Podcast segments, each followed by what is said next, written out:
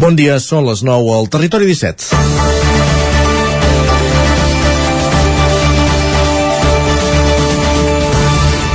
Avui és 22 de març, Dia Mundial de l'Aigua i com a commemoració ha estat bé el ruixadet que ha fet de matinada, si més no a la plana de Vic.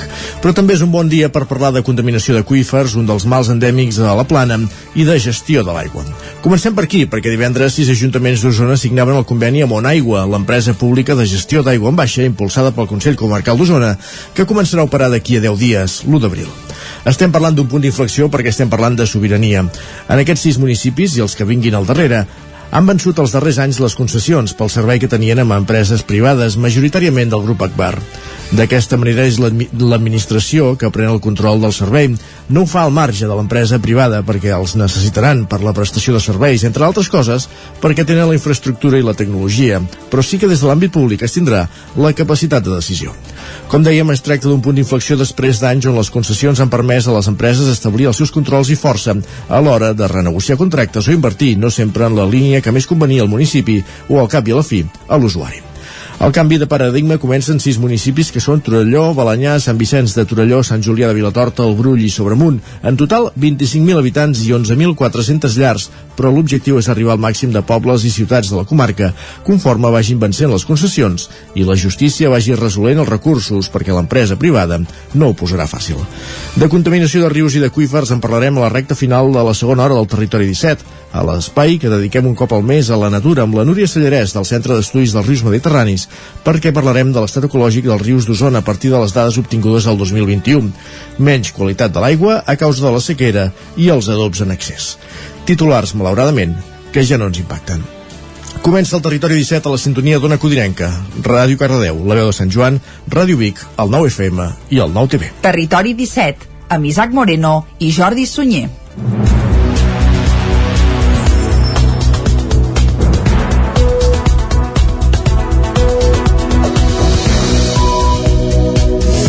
Passen dos minuts de les 9 del matí d'avui dimarts, dia 22 del 3 del 22, dia 22 de març del 2022.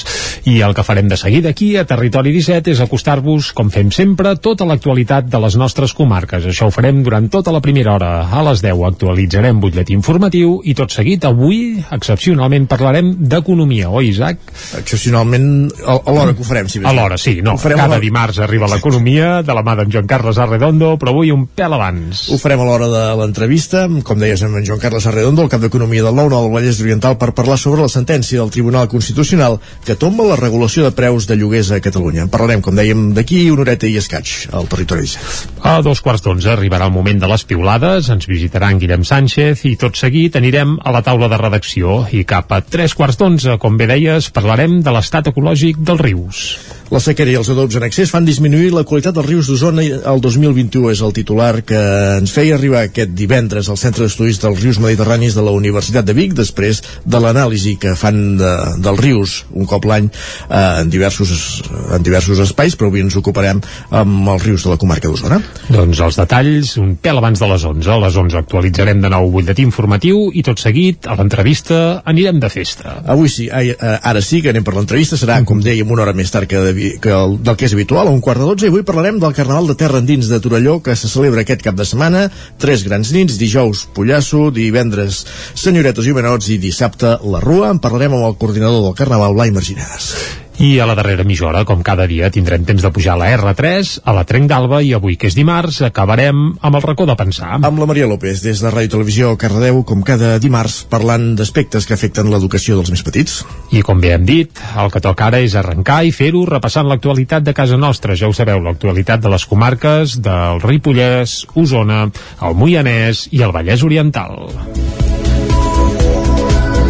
Per explicar-vos aquesta hora que un camp de, balon... camp de Banolenc rep el primer trasplantament autòleg de cèl·lules mare èxit a la regió sanitària de Girona, a l'Hospital Doctor Trueta. Isaac Muntades, des de la veu de Sant Joan. L'abril de l'any 2020, en ple inici de la pandèmia, van diagnosticar-li esclerosi múltiple al camp de Banolenc de 47 anys, Àlex Ramírez, que fins llavors treballava de pintor. L'Àlex va haver d'estar un any sense poder moure's del llit per l'agressivitat dels brots. El 2 d'agost de l'any passat, els equips de hematologia i de neurologia de l'Hospital Doctor Trueta van fer-li amb èxit el primer trasplantament autòleg hematòleg de cèl·lules sanguínies de la regió sanitària de Girona. Després de 7 mesos, aquest veí de Can de Bànol està estable des del punt de vista neurològic, no ha tingut més brots de la malaltia, no han aparegut noves lesions inflamatòries a la ressonància i ha pogut tornar a caminar sense necessitat d'un suport. Podem escoltar-lo explicant quines millores ha experimentat. Encara em costa una mica parlar, però estic content. La memòria que la tenia molt escampada, escapada i mobilitat ja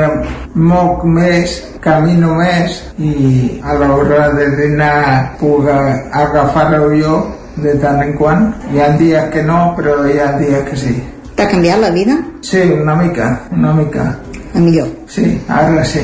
Aquest tipus de trasplantament es fa servir poc per la seva complicació i en 10 anys només se n'han fet una quinzena de tot Catalunya. El doctor Gary Álvarez, adjunt del Servei de Neurologia del Trueta, explica que l'Àlex no responia als tractaments convencionals i no es recuperava. Álvarez subratlla que calia assumir riscos perquè l'Àlex millorés. Como en la esclerosis múltiple se intenta evitar que los pacientes, que son en su gran mayoría jóvenes, adquieran o vayan ganando discapacidad con el paso del tiempo, tenemos que tomar una decisión respecto a utilizar un tratamiento que sea más efectivo asumiendo algo de riesgo, ya que el trasplante de células autólogas, pese que ha demostrado ser el tratamiento más efectivo para controlar la actividad de la enfermedad, el perfil de seguridad es inferior comparado con los fármacos convencionales. La doctora Rosa Coll, hematòloga de l'Institut Català d'Oncologia, explica com es va fer aquest trasplantament. Que hem intentat donar-li una medicació, una quimioteràpia, per intentar fer un reset immune, és a dir, fer que els seus linfòcits T no siguin tan actius,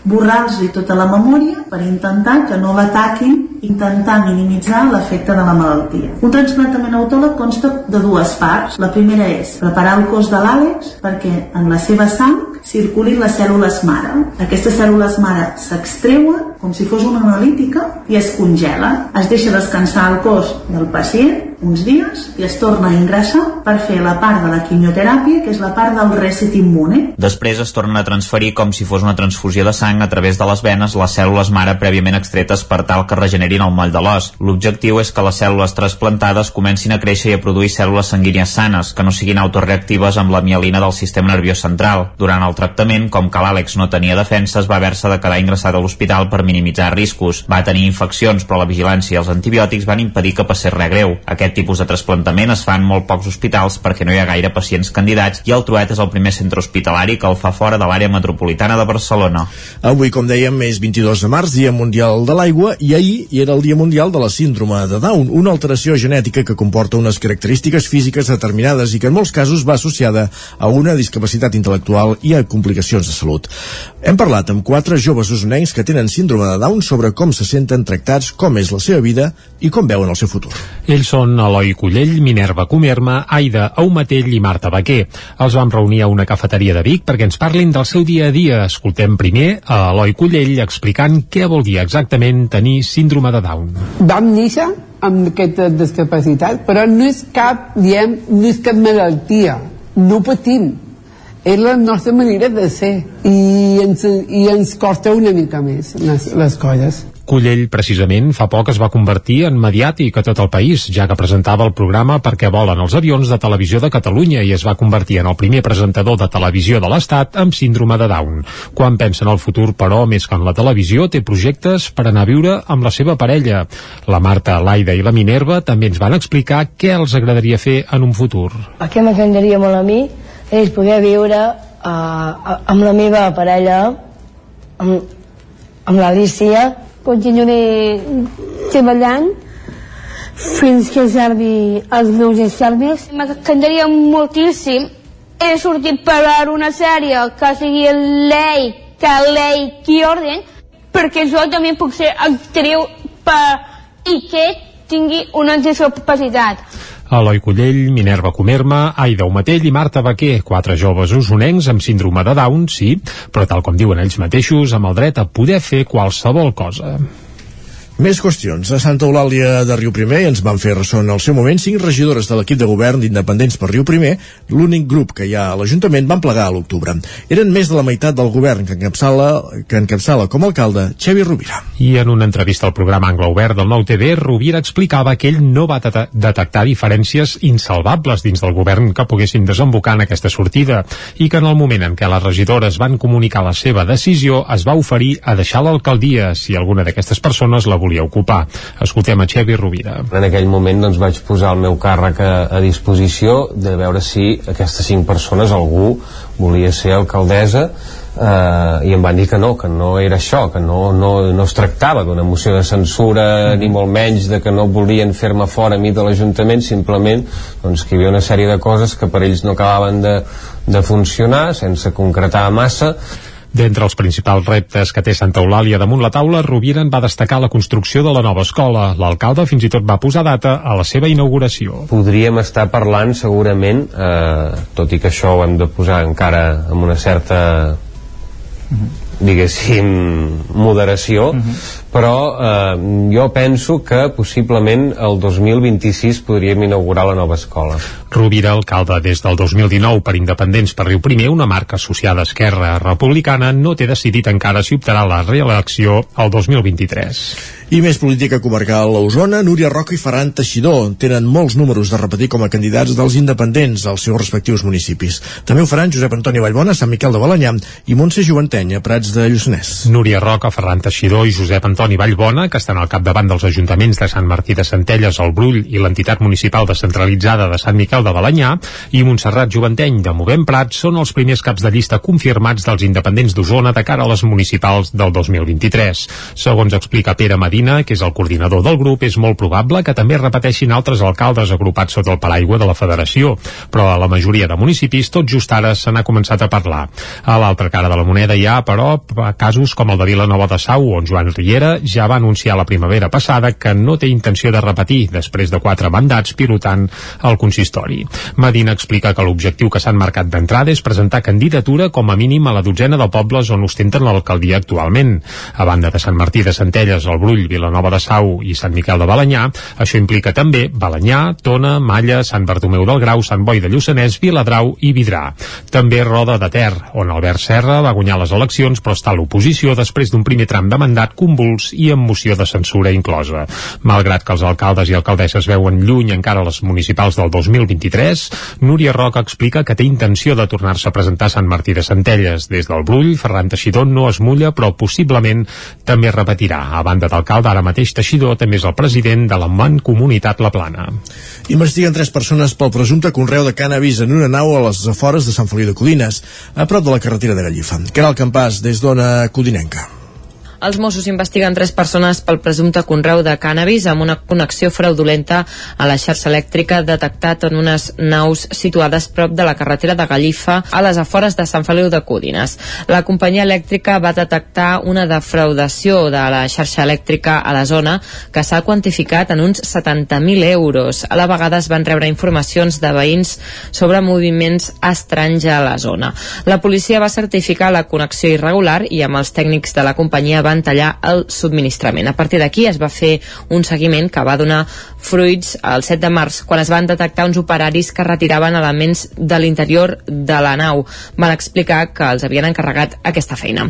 A la nau hi quedaven elements que evidenciaven que hi havia hagut una plantació preparada per a unes 5.000 plantes. Els investigats són el titular de la nau, la persona que constava com a llogater i una que estaria al càrrec de la plantació. Se'ls imputen delictes contra la salut pública i de defraudació de la xarxa elèctrica. És el tercer cop en 5 anys que es relaciona aquestes naus amb el cànnabis. La primera va ser el 2017 i la darrera l'abril del 2020 quan es va interceptar una furgoneta amb 40 quilos de cànnabis a l'AP7 i es va determinar que havia estat cultivada en aquestes naus. El Carnaval de Centelles va obrir dissabte el cicle de carnavals a Osona, que el mes passat es van haver d'ajornar per raons sanitàries. La comparsa i carrossa d'Eo Tronera va quedar en primer lloc al concurs. En comparsa B el primer premi va ser per aquest any Tot ens la bufa. Aquest cap de setmana també s'ha celebrat el Carnaval del Voltrecanès. Dissabte, com dèiem, serà el torn del de Torelló. La figura d'una porca, de nom Pandèmia, feta amb mascaretes quirúrgiques de color rosa, obria dissabte el Carnaval de Centelles. Era el buc insígnia de la colla dels amics i parents de l'encarregada de portar el rei Carnestoltes. La formaven una setantena de persones, una representació de les més de 700 que, segons l'Ajuntament, dissabte van desfilar pels carrers de Centelles. Va ser una rua molt esperada després de la suspensió obligada de l'any passat a causa de la pandèmia. La crisi sanitària, de fet, també va fer perillar la festa a principis d'any, quan la comissió va decidir ajornar-la un mes. Escoltem a Santi Riera de la colla Amics i Parents de. El fet d'haver aplaçat el Carnaval de Centelles ens ha permès doncs, fer la carrossa una mica dignament mentre que ja veieu que anem amb uns punyeteros pijames, eh? Però bueno, trencant una mica els esquemes del que és l'essència de la nostra comparsa, però bueno, tot sigui per contribuir al carnaval de, del poble, diguéssim. Inspirant-se en una bodega avantguardista, els troneres van endur-se el primer premi en comparsa A. El grup, format per, perso per persones de Centelles i també de Taradell, també es van dur el Premi Especial de Carrosses. Escoltem a Rubén Morcillo, de la colla dels troneres. Sempre el que nosaltres hem vestit és una representació del vi, portem un pal on portem la vinya i cada gorro és la bodega, per tal que es vegi un camp de vinyes amb tot de bodegues, perquè dintre de la carrossa es pugui generar aquest vi apreciat que és pel Carnaval. El segon premi va ser pels Epo Budoyer de Centelles i el tercer pels Pop-Up. En comparsa B, el primer premi va ser per aquest any Tot ens la bufa, el segon per als guiris del carrer de Sant Martí i el tercer pels entrevirus i restriccions Ara venen els paons. Esports. I a la pàgina esportiva us expliquem que Àlex Palau setè a Texas en la segona, és setè a Texas en la segona prova de la Fórmula IndyCar 2022. David Auladell des de Ràdio Televisió Cardedeu. El pilot de Sant Antoni de Vilamajor, Àlex Palou, ha acabat la segona cursa de la temporada 2022 de la Fórmula IndyCar Series en la setena posició, en un cap de setmana que no ha estat massa propici en la cursa XPEL 375 de Texas. Tal com va manifestar el propi Palou en acabar la cursa, és una bona posició si tenen present tots els condicionants que s'han trobat aquests dies. El de Ganassi va començar la cursa sortint des de l'onzena posició i va remuntar amb una tasca complicada, sobretot perquè el monoplaça que conduïa li faltava una mica de velocitat. Per això la setena posició es considera un bon lloc, ja que va superar remuntant quatre llocs en relació a la posició de sortida. A la classificació general, després de les dues curses disputades, Àlex Palou és tercer amb 67 punts. La tercera prova de la IndyCar Series es disputarà el 10 d'abril en la pista que Palou es va coronar campió de la temporada passada, al circuit urbà de Long Beach, una pista que en principi hauria de ser més favorable pel pilot vilamajorí. Acabem aquí aquest repàs informatiu que començàvem a les 9 en companyia de Jordi Sunyer, David Auladell, Isaac Muntades i Caral Campàs. Moment ara de saludar en Pep Acosta, ja ho sabeu, per parlar del temps.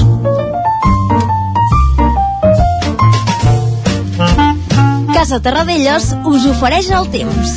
Doncs va, cada dia tenim en Pep Acosta, que ens acosta la informació meteorològica i el saludem de seguida, que aquests dies està d'enhorabona. Va, Pep, bon dia. Hola, molt bon dia. Molt bona hora. Molt bon dimarts, què tal esteu? Molt bé. Espero que tot bé. Dia Mundial de l'Aigua avui, eh? Ahir, ahir dilluns va ser un dels primers dies des de fa molt de temps que, que, que va ploure bastant més del que jo em pensava. Sí? Per tant, això és un motiu d'alegria. Dia de satisfacció. Jo pensava que serien quatre gotes, que no, que no plouria gaire, i Déu-n'hi-do, déu nhi déu com va ploure uh, més de 40 litres cap al Montseny, cap al Pirineu, el peritoral entre 10 i 20 litres, notícia molt bona, uh, mica en mica els rius van tornant al seu cabal habitual, les fonts es van regenerant, en definitiva, uh, superficialment sembla que la sequera uh, per fi es va acabant, però clar, encara, encara hi ha molta, encara hi ha molt dèficit hídric, encara n'hi ha bastant, però val a dir que aquest mes de març eh, s'està comportant, s'està comportant molt i molt bé perquè fa el tema, el tema aigua. Eh, també la neu va nevar fort cap al Pirineu, els cims més alts del Montseny també, eh, per tant, boníssima, boníssima notícia d'ahir, ja dic, no m'esperava tanta pluja. Eh, normalment, aquest any ja, ja ho sabeu uh, jo pronosticava uns litres i en queien molts menys del que jo pronosticava. I ahir, per fi, van ploure, va ploure bastant més del que jo pronosticava. Per tant, eh, molt bona notícia, tots contents, eh, jo crec. Eh, jo content, eh, tothom, tothom content, jo crec que ha d'estar tothom content amb la puja que em tenia ahir. I no acaba de fer net, no acaba de fer net el tema. Uh, seguim amb, aquesta, amb aquest flux entre Llevant i Gregal, amb molt poques hores de sol, uh, realment un mes de març amb poquíssimes hores de sol, molts núvols, avui també molts núvols, temperatures mínimes que han baixat per sobre els 5 graus de moltes poblacions i atenció, Pirineu han baixat a 7, 8, 9 sota 0 les temperatures baixes, molt baixes de nit i de dia tampoc pujaran gaire perquè continuem aquesta nuvolositat eh, núvols molt compactes eh, poden caure alguna precipitació però avui jo crec que sí que molt poca cosa res a veure amb les puges d'ahir. Avui a tot estirar 5-10 litres els jocs són poc i més a la majoria entre 0 i 1 és a dir que cauran 4 gotes de cara a la tarda mmm, aquestes pluges poden marxar no hi haurà tanta possibilitat de pluja però la temperatura no pujarà gaire la majoria de les màximes entre els 12 i els 14 graus. Insisteixo, continuem amb aquesta, eh, amb aquesta poca amplitud tèrmica, amb aquesta oscil·lació tèrmica molt, molt baixa entre el dia i la nit. Uh, hauríem d'estar amb temperatures ja superiors a 20 graus de dia i mínimes entre 4 i 5 amb una amplitud tèrmica molt important i no, hi ha una amplitud tèrmica molt, molt petita eh, que és una cosa que, que m'ha destacat tots aquests dies perquè és, és, Uh, no és habitual, eh? Tan poca, tan poca amplitud tèrmica. I això, continuem amb aquests vents de, de llevant, uh, alguna ratxa forta a les muntanyes, i aquesta nuvolositat és que uh, sembla que va per llarg, el cap de setmana encara tindrem, fins al cap de setmana tindrem aquest temps, no tanta pluja com ahir, uh, repeteixo, però, però tenir aquest temps de núvols, també inestable, alguna pluja, uh, no es veu un anticicló i temps i temps estable per enlloc. Veurem, veurem què acaba passant els pròxims dies, però el panorama és aquest, eh? Ambient tapat, humit i alguna pluja. I temperatures força baixes, no es recuperaran ni de bon tros. Moltíssimes gràcies, adeu. A tu. Diu, Exacte. No es veu anticicló ni temps estable per enlloc només cal mirar enrere, l'hem tingut durant molts dies. No, du durant molts mesos, pràcticament Exacte. tres mesos, sí, sí. Ja està bé una mica de caliu i avui sembla, a més a més, pel que ens apunta, que potser quatre gotes i prou, per tant serà un dia de treva, gairebé. Doncs va, va vinga. Dit això anem a repassar portades diaris. I tant. Casa Tarradellas us ha ofert aquest espai. O el que és el mateix, entrem al quiosc. Comencem repassant la portada del punt avui, Jordi. Correcte, va, com sempre, arrenquem pel punt avui que titulen El català escanyat. I és que resulta que un estudi del síndic de Greuges vaticina que el castellà abasta ja pràcticament el 35% de, bé, de l'àmbit escolar. Si es compta bé, es demana el 25% i ara mateix ja arriba al 35%. Uh, també la sentència del Tribunal Superior de Justícia i menys just als patis presagien encara més retrocés lingüístic. Això és el punt a la portada del punt avui. També que González Cambrai colla els mestres pel juliol. Molts mestres al juliol, diguem que pràcticament fan vacances. González Cambrai sembla que els voldria fer treballar. Uh, la fotografia és per... Ara, però el discurs oficial és dir no, no, però és que el juliol fem formació sempre.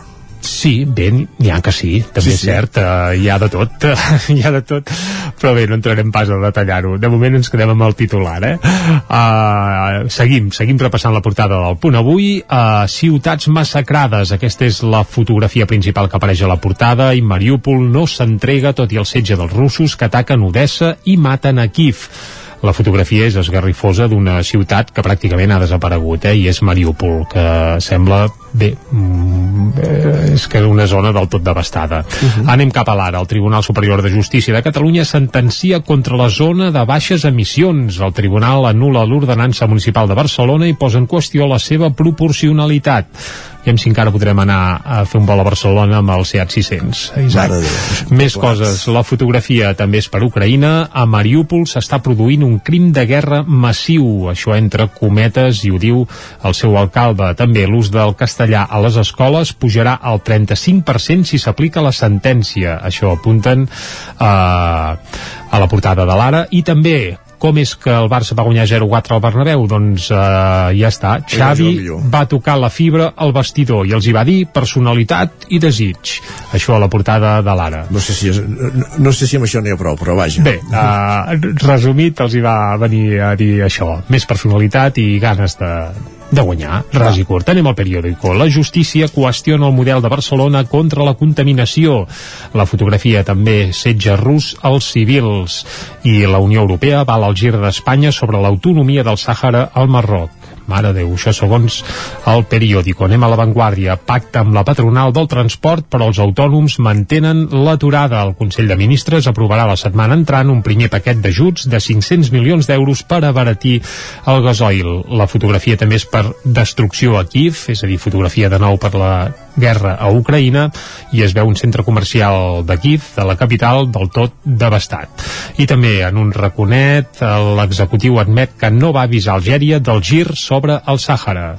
És a dir que, bé, eh, avalen que sigui una autonomia i no avisen doncs, el seu principal, bé, a part del Marroc, el seu principal veí, que en aquest cas seria Algèria. Uh -huh. Anem cap a les portades que s'editen a l'estat espanyol, comencem pel país, on posen la mateixa foto que l'avantguàrdia, i diuen Putin eh, s'hi fa a fons en la destrucció de les ciutats i la fotografia és per aquest centre comercial devastat a la capital, a Kiev. També el gir sobre el Sàhara Uh, rep l'aval de la Unió Europea i crea tensió al govern. També Feijóo té el 99,6% dels vots emesos per liderar el Partit Popular. Carai, 99,6% això ens sona... Bé, tant és conclusió que, que l'avala tothom, pràcticament. I també l'executiu ofereix 500 milions al transport, però no frena les aturades. En aquest cas parlen de la crisi dels preus, evidentment, dels carburants.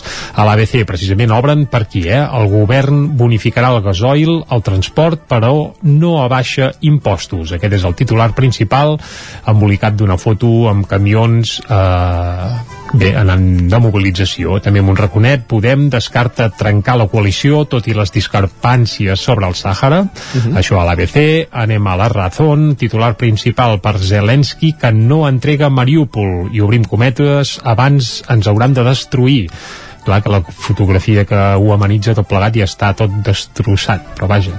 Díaz acusa el PSOE d'incomplir els pactes, però seguirà a la Moncloa.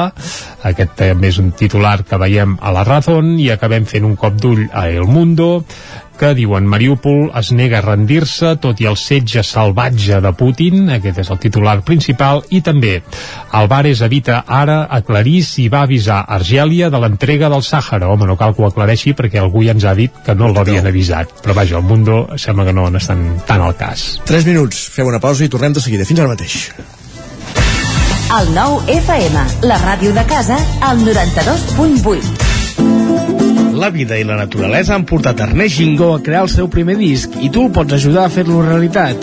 Busca Seguint la Natura a la pàgina web Verkami i podràs fer la teva aportació econòmica a canvi del disc i d'alguns instruments artesanals que ha construït amb el seu pare, fuster de professió. Ajuda l'Ernest Gingó a fer realitat aquest primer disc que fa un viatge musical per la connexió amb la naturalesa. Un sentiment El racó de León ja és primavera. Gaudeix de la nostra terrassa, vine a tastar les xuletilles de lechal a la brasa amb una bona amanida o el xuletón de vedella gallega. No et pots perdre el nostre lechado de Castilla al forn o el cochinillo a l'estil de Segovia, tot acompanyat del millor celler, al menjador o fora la terrassa. Descobreix la millor cuina de Lleó sense moure't de casa. Vine amb la família, els amics, la parella o sol. T'encantarà. El racó de León, cuina tradicional lleonesa i de mercat. Som al carrer Torelló número 35 de Vic. Per reserves, telèfon 93 889 1950. El racó de León, una cuina diferent. Al restaurant Xavito Gastro de Vic hi trobaràs una cuina mediterrània i de mercat amb gran varietat de plats, amb arrossos, carn o peix fresc de la llotja cada dia. Vine a dinar de dimarts a divendres i prova el nostre menú diari per només 15 euros o a les nits de dijous a diumenge tastar el nostre menú degustació amb arrossos i tapes per 25 euros. Restaurant Xamito Gastro. Ens trobaràs al carrer Callnou número 9 de Vic i al telèfon 93 094 1172 o al 747 42 92 58. Això és el que s'escolta al voltant d'una caldera saunia d'Oval. Tranquilitat i benestar, perquè gaudeix del millor manteniment del servei tècnic oficial per estar despreocupat. O el que vulgui. Informis a Oficiat Nord trucant al 938860040. Saunia d'Oval, sempre al seu costat. Cobertes serveis funeraris. Els nostres tanatoris estan ubicats en els nuclis urbans més poblats de la comarca d'Osona per oferir un millor servei. Tanatori de Vic, Tanatori de Manlleu, Tanatori de Centelles i Tanatori de Roda de Ter. Sabem que són moments difícils i per això el nostre compromís és atendre-us en tot moment amb un tracte humà, sensible i respectuós. Cobertes serveis funeraris. Telèfon 24 hores 93 883 23 46. Anuncia't al 9FM. La màquina de casa. 9 3 8 8 9 4 9 4 9. Publicitat arroba al 9FM.cat. Anuncia't al 9FM. La publicitat més eficaç. El 9FM, el 9FM, el 9FM, el 9FM. En punt dos quarts de deu al territori 17. Territori 17, amb Isaac Moreno i Jordi Sunyer.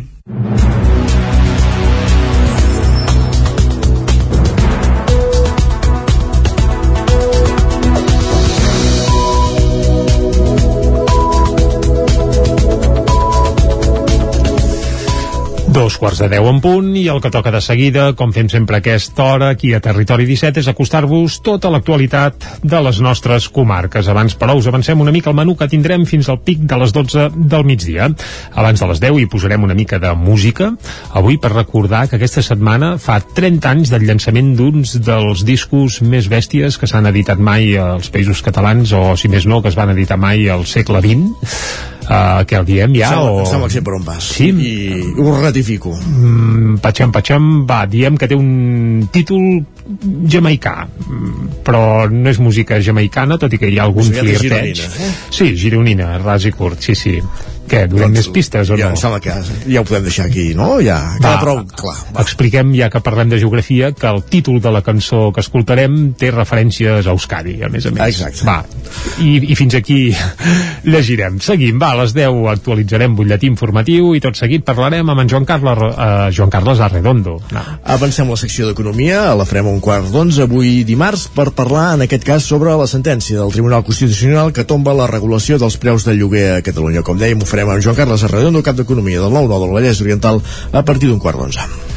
A partir de dos quarts d'onze arribarà el moment que ens visiti en Guillem Sánchez, amb piulades, tot seguit passarem per la taula de redacció i després parlarem de medi ambient.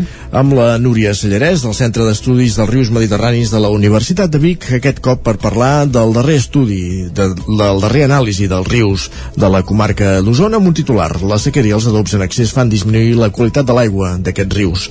I en parlarem, com dèiem, amb la Núria Sallarès a partir de tres quarts d'onze. A les 11, més informació i tot seguit a l'entrevista anirem de festa. De Carnaval. Parlarem amb Blai Marginades, coordinador del Carnaval de Terra Endins de Torelló, que arriba aquest cap de setmana, entre dijous i dissabte. Dijous, dijous Pollasso, divendres Senyoretes i Homenots, dissabte la Gran Rua. I a dos quarts d'onze, ai no d'onze, sinó de dotze, el que farem és pujar a la R3, com fem cada dia, a la Trenc d'Alba, i acabarem, avui que som dimarts, amb el racó de pensar. Des de Ràdio Televisió Cardeu ens acompanyarà com cada setmana la Maria López amb un nou aspecte relacionat amb l'educació. I ara sí, ara el que toca és seguir i ho farem acostant-vos, com sempre, a l'actualitat de casa nostra, a l'actualitat de casa vostra, de les comarques del Ripollès, Osona, el Moianès i el Vallès Oriental. Per explicar-vos aquesta hora que un camp de, balon... camp de Banolenc rep el primer trasplantament autòleg de cèl·lules mare amb èxit a la regió sanitària de Girona, a l'Hospital Doctor Trueta. Isaac Muntades, des de la veu de Sant Joan. L'abril de l'any 2020, en ple inici de la pandèmia, van diagnosticar-li esclerosi múltiple al camp de Banolenc de 47 anys, Àlex Ramírez, que fins llavors treballava de pintor. L'Àlex va haver d'estar un any sense poder moure's del llit per l'agressivitat dels brots. El 2 d'agost de l'any passat, els equips d'hematologia i de neurologia de l'Hospital Doctor Trueta van fer-li amb èxit el primer trasplantament autòleg de cèl·lules sanguínies de la regió sanitària de Girona. Després de 7 mesos, aquest veí de Can de Bànol està estable des del punt de vista neurològic, no ha tingut més brots de la malaltia, no han aparegut noves lesions inflamatòries a la ressonància i ha pogut tornar a caminar sense necessitat d'un suport. Podem escoltar-lo explicant quines millores ha experimentat. Encara em costa una mica parlar, però estic content. La memòria que la tenia molt acamparada, capada i mobilitat ja moc més, camino més i a l'hora de dinar puc agafar-ho jo de tant en quant. Hi ha dies que no, però hi ha dies que sí. T'ha canviat la vida? Sí, una mica, una mica. A millor? Sí, ara sí. Aquest tipus de trasplantament es fa servir poc per la seva complicació i en 10 anys només se n'han fet una quinzena de tot Catalunya. El doctor Gary Álvarez, adjunt del Servei de Neurologia del Trueta, explica que l'Àlex no responia als tractaments convencionals i no es recuperava. Álvarez subratlla que calia assumir riscos perquè l'Àlex millorés. Como en la esclerosis múltiple se intenta evitar que los pacientes, que son en su gran mayoría jóvenes, adquieran o vayan ganando discapacidad con el paso del tiempo, teníamos que tomar una decisión respecto a utilizar un tratamiento que sea más efectivo asumiendo algo de riesgo, ya que el trasplante de células autólogas es el que ha demostrado ser el tratamiento más efectivo para controlar la actividad de la enfermedad, el perfil de seguridad es inferior comparado con los fármacos convencionales. La doctora Rosa Coll, hematòloga de l'Institut Català d'Oncologia, explica com es va fer aquest trasplantament. Que hem intentat donar-li una medicació, una quimioteràpia, per intentar fer un reset immune, és a dir, fer que els seus linfòcits T no siguin tan actius, borrar-los tota la memòria per intentar que no l'ataquin intentar minimitzar l'efecte de la malaltia. Un transplantament autòleg consta de dues parts. La primera és preparar el cos de l'Àlex perquè en la seva sang circulin les cèl·lules mare. Aquestes cèl·lules mare s'extreuen com si fos una analítica i es congelen. Es deixa descansar el cos del pacient uns dies i es torna a ingressar per fer la part de la quimioteràpia, que és la part del reset immune. Després es tornen a transferir com si fos una transfusió de sang a través de les venes les cèl·lules mare prèviament extretes per tal que regenerin el moll de l'os. L'objectiu és que les cèl·lules trasplantades comencin a créixer i a produir cèl·lules sanguínies sanes, que no siguin autoreactives amb la mielina del sistema nerviós central. Durant el tractament, com que l'Àlex no tenia defenses, va haver-se de quedar ingressat a l'hospital per minimitzar riscos. Va tenir infeccions, però la vigilància i els antibiòtics van impedir que passés res greu. Aquest tipus de trasplantament es fa en molt pocs hospitals perquè no hi ha gaire pacients candidats i el Truet és el primer centre hospitalari que el fa fora de l'àrea metropolitana de Barcelona. Avui, com dèiem, és 22 de març, Dia Mundial de l'Aigua, i ahir era el Dia Mundial de la Síndrome de Down, una alteració genètica que comporta unes característiques físiques determinades i que en molts casos va associada a una discapacitat intel·lectual i a complicacions de salut. Hem parlat amb quatre joves usonencs que tenen síndrome de Down sobre com se senten tractats, com és la seva vida i com veuen el seu futur. Ells són Eloi Collell, Minerva Comerma, Aida Aumatell i Marta Baquer.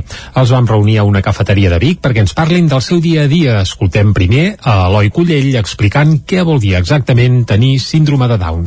Vam néixer amb aquesta discapacitat, però no és cap, diem, no és cap malaltia. No patim. És la nostra manera de ser i ens, i ens costa una mica més les, les coses. Collell, precisament, fa poc es va convertir en mediàtic a tot el país, ja que presentava el programa Perquè volen els avions de Televisió de Catalunya i es va convertir en el primer presentador de televisió de l'Estat amb síndrome de Down.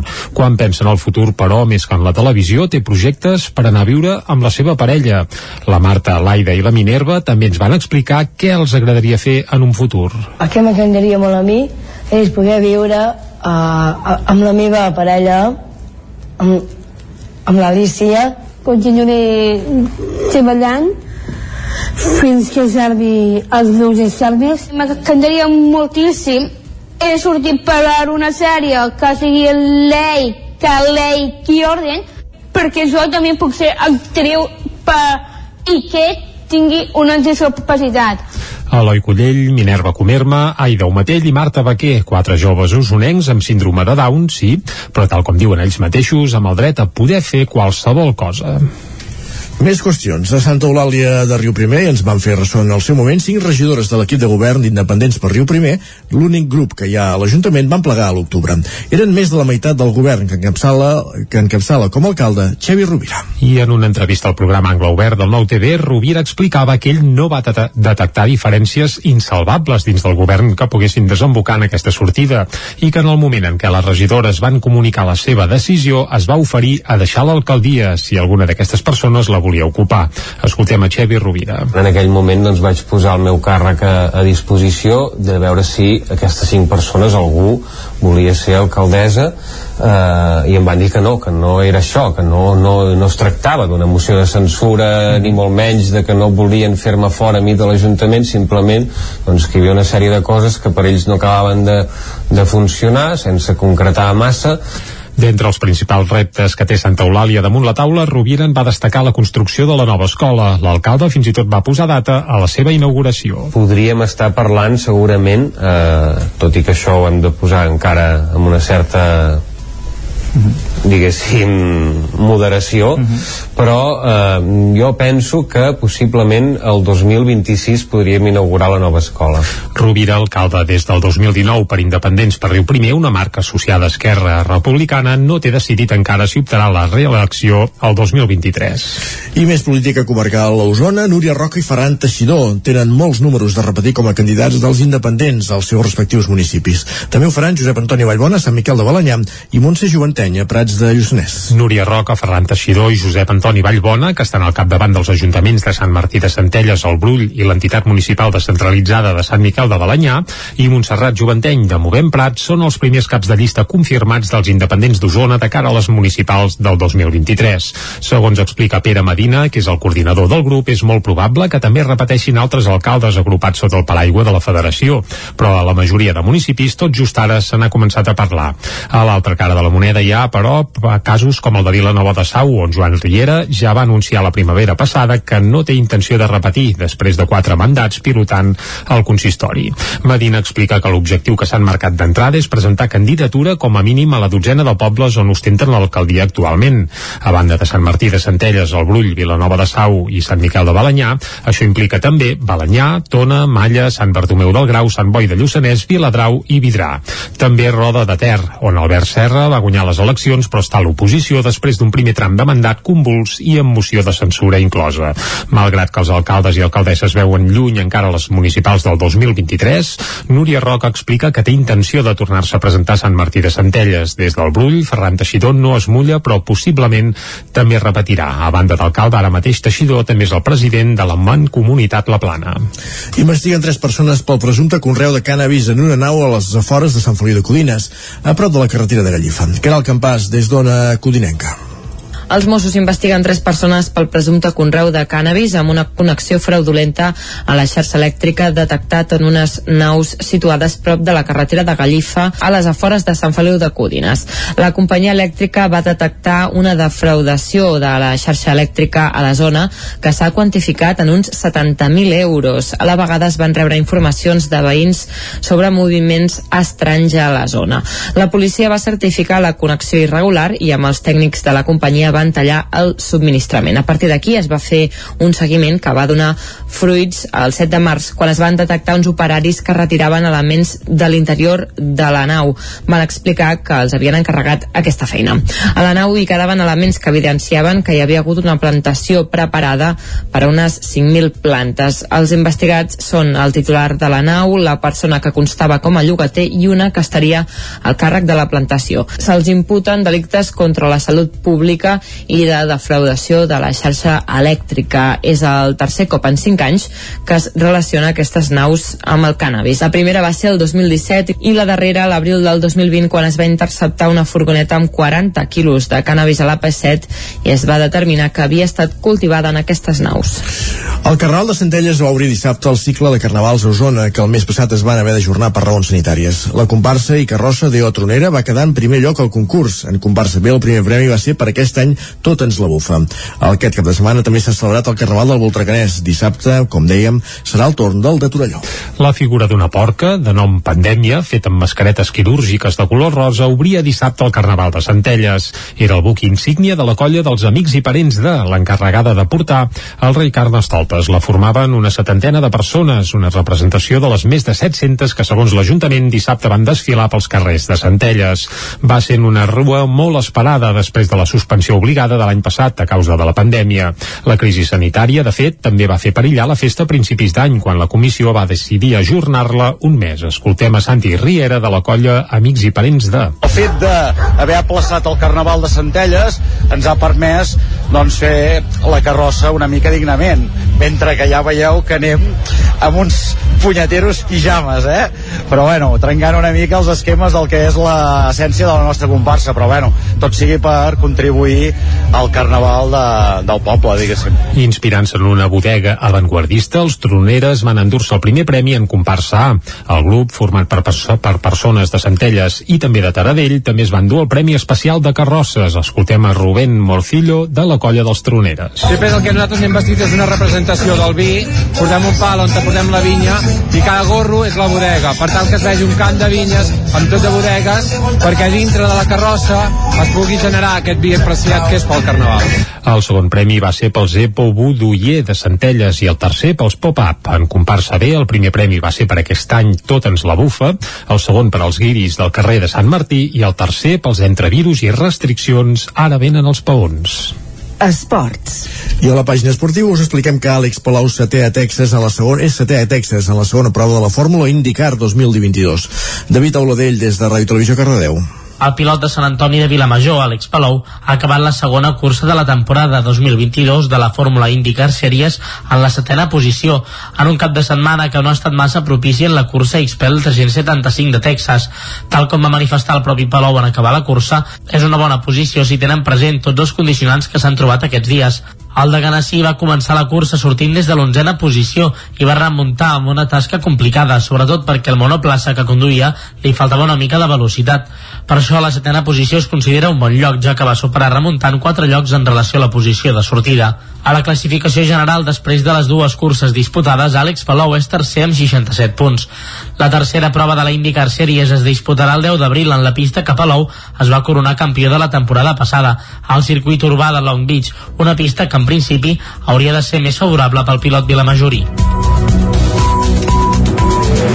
Acabem aquí aquest repàs informatiu que començàvem a les 9 en companyia de Jordi Sunyer, David Auladell, Isaac Muntades i Caral Campàs. Moment ara de saludar en Pep Acosta, ja ho sabeu, per parlar del temps.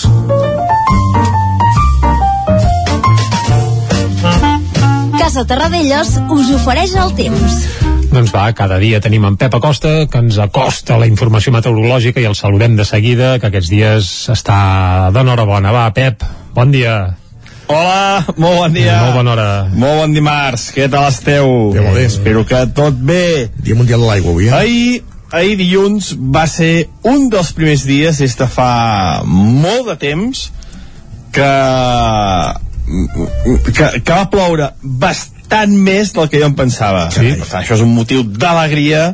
On de satisfacció. Jo pensava que serien quatre gotes, que no, que no plouria gaire, i déu-n'hi-do, déu nhi déu com va ploure uh, més de 40 litres cap al Montseny, cap al Pirineu, el prelitoral entre 10 i 20 litres, notícia molt bona, uh, mica en mica els rius van tornant al seu cabal habitual, les fonts es van regenerant, en definitiva, uh, superficialment sembla que la sequera uh, per fi es va acabant, però clar, encara, encara hi ha molta, encara hi ha molt dèficit hídric, encara n'hi ha bastant, però val a dir que aquest mes de març eh, s'està comportant, s'està comportant molt i molt bé perquè fa el tema, el tema aigua.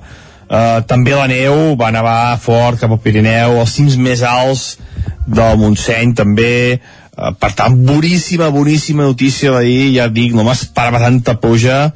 Eh, normalment, mm, aquest any ja, ja ho sabeu, eh, jo pronosticava uns litres i en queien molts menys del que jo pronosticava.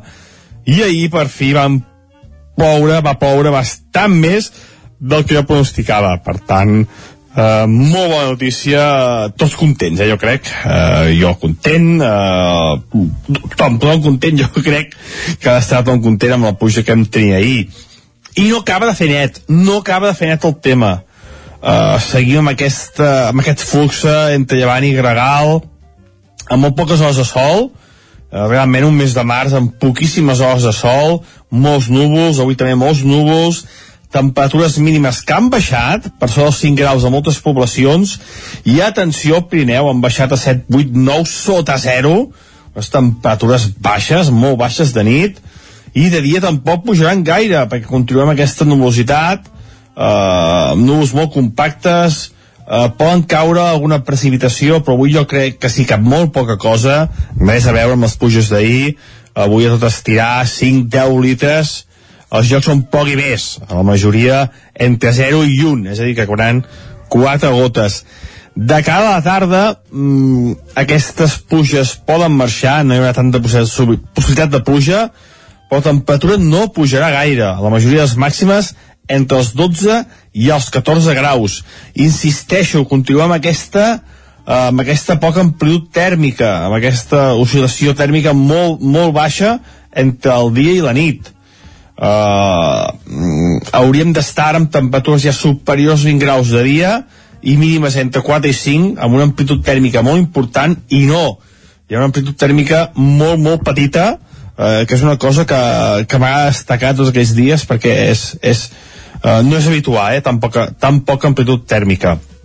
I això, continuem amb aquests vents de, de llevant eh, alguna ratxa forta a les muntanyes i aquesta nubositat és que Uh, sembla que va per llarg, el cap de setmana encara tindrem, fins al cap de setmana tindrem aquest temps, no tanta pluja com ahir, uh, repeteixo, però, però anirem tenir aquest temps de núvols, d'ambient inestable, alguna pluja, uh, no es veu un anticicló i temps i temps estable per enlloc. Veurem, veurem què acaba passant els pròxims dies, però el panorama és aquest, eh? Ambient tapat, humit, i alguna pluja i temperatures força baixes, no es recuperaran ni de bon tros. Moltíssimes gràcies, adeu. A tu. Exacte. No es veu anticicló ni temps estable per enlloc només cal mirar enrere, l'hem tingut durant molts dies. No, du durant molts mesos, pràcticament tres mesos, sí, sí. Ja està bé una mica de caliu i avui sembla, a més a més, pel que ens apunta, que potser quatre gotes i prou, per tant serà un dia de treva, gairebé. Doncs va, va dit això anem a repassar portades diaris. I tant. Casa Tarradellas us ha ofert aquest espai. O el que és el mateix, entrem al quiosc. Comencem repassant la portada del punt avui, Jordi. Correcte, va, com sempre, arrenquem pel punt avui que titulen El català escanyat. I és que resulta que un estudi del síndic de Greuges vaticina que el castellà abasta ja pràcticament el 35% de, bé, de l'àmbit escolar. Si es compta bé, es demana el 25% i ara mateix ja arriba al 35%. Uh, també la sentència del Tribunal Superior de Justícia i menys just als patis presagien encara més retrocés lingüístic. Això s'apunta a la portada del punt avui. També que González Cambrai colla els mestres pel juliol. Molts mestres al juliol, diguem que pràcticament fan vacances. González Cambrai sembla que els voldria fer treballar. Uh, la fotografia és per... Ara, però el discurs oficial és dir, no, no, però és que el juliol fem formació sempre. Sí, bé, n'hi ha que sí, també sí, sí. és cert, uh, hi ha de tot, uh, hi ha de tot, però bé, no entrarem pas a detallar-ho. De moment ens quedem amb el titular, eh?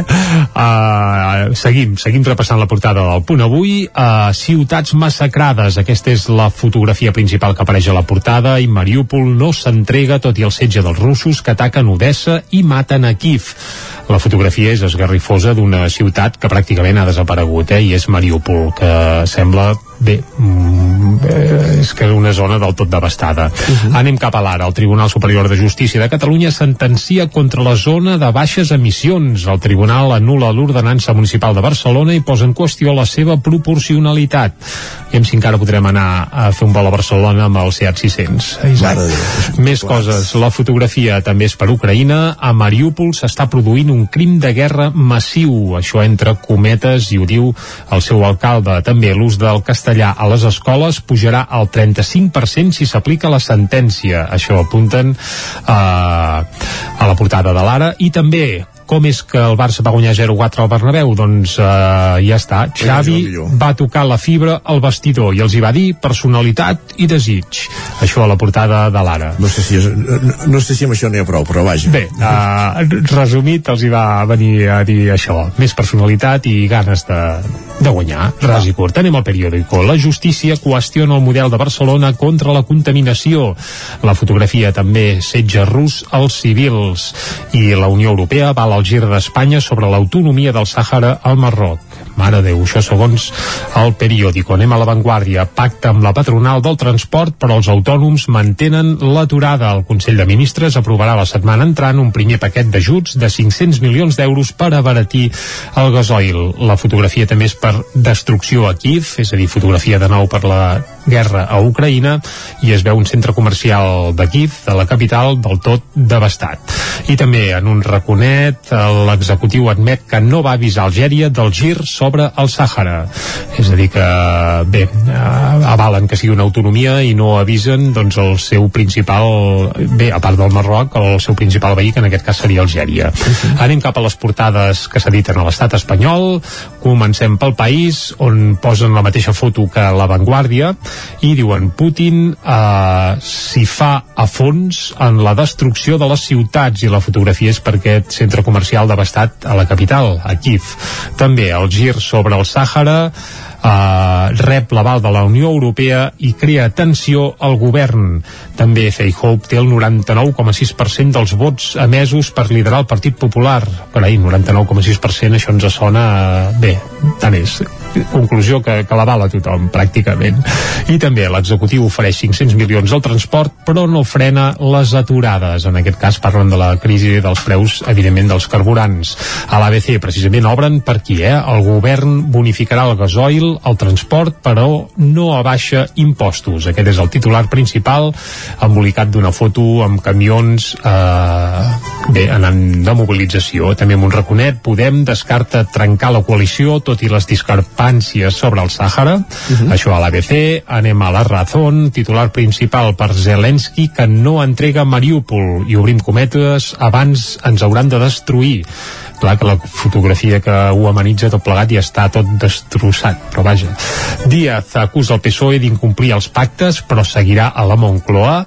Aquest també és un titular que veiem a la Razón i acabem fent un cop d'ull a El Mundo que diuen Mariupol es nega a rendir-se tot i el setge salvatge de Putin, aquest és el titular principal, i també Alvarez evita ara aclarir si va avisar Argèlia de l'entrega del Sàhara. Home, no cal que ho aclareixi perquè algú ja ens ha dit que no l'havien avisat. Però vaja, el Mundo sembla que no n'estan tan al cas. O no volen estar-ho, vaja.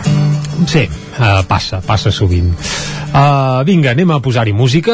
Sí. Aquí sí que estem al cas nosaltres sempre i, per exemple, aquests dies es compleix el 30è aniversari del llançament, ara ho desgranarem tot, eh, de Bamboo Avenue, el segon disc d'un papa, aquesta banda, aquella banda liderada per Adrià Puntí, envoltada de, bé, d'amics gironins i que van fer una autèntica joia. Ja van dir, havien debutat un any abans, eh, el 91 amb raons de pes, i l'any següent van treure això, aquest Bamboo Avenue, on hi ha autèntiques joies com per exemple aquesta carta a Donosti que estem escoltant ja de fons. I això per celebrar que aquesta obra d'art fa 30 anys doncs què et sembla Isaac si l'escoltem fins al punt de, de les 10 em sembla fantàstic. Sí? doncs per molts anys i escolta, no es pot descartar mai que hi hagi algun retorn eh? perquè l'Adrià, bé, d'un papa seria complicat. Ara, però l'Adrià Puntí ah, sí que està tornant i... va Montesquieu no fa pas massa. Exacte, va actuar Montesquieu a principis d'any i sembla que aquesta primavera hi haurà nous concerts i atenció perquè a la tardor podria venir un nou disc d'Adrià Puntí amb peces noves. Això està bé. aviam, de Vinga. moment ens quedem amb aquest Carta d'Honosti. Som-hi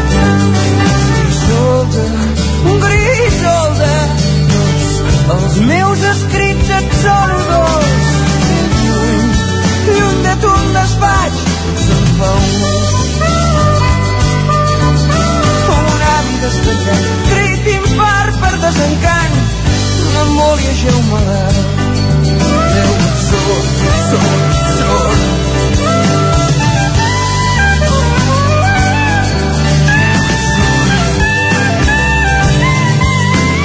Pares meu, sembla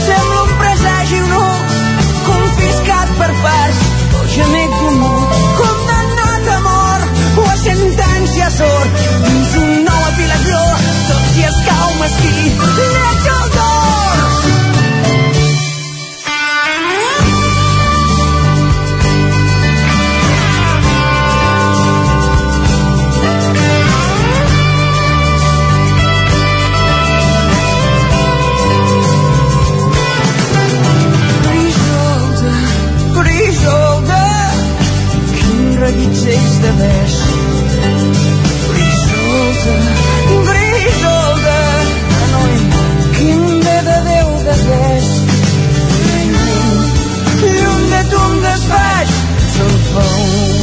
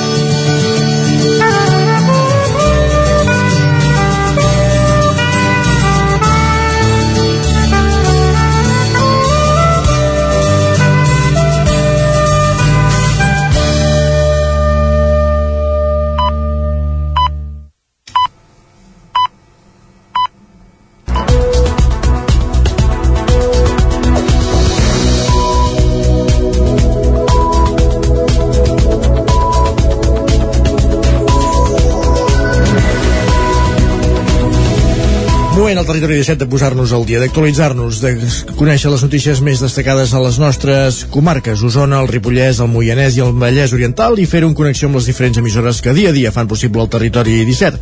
La veu de Sant Joan, Ona Codinenca, Ràdio Cardedeu, Ràdio Vic, el 9FM i el 9TV.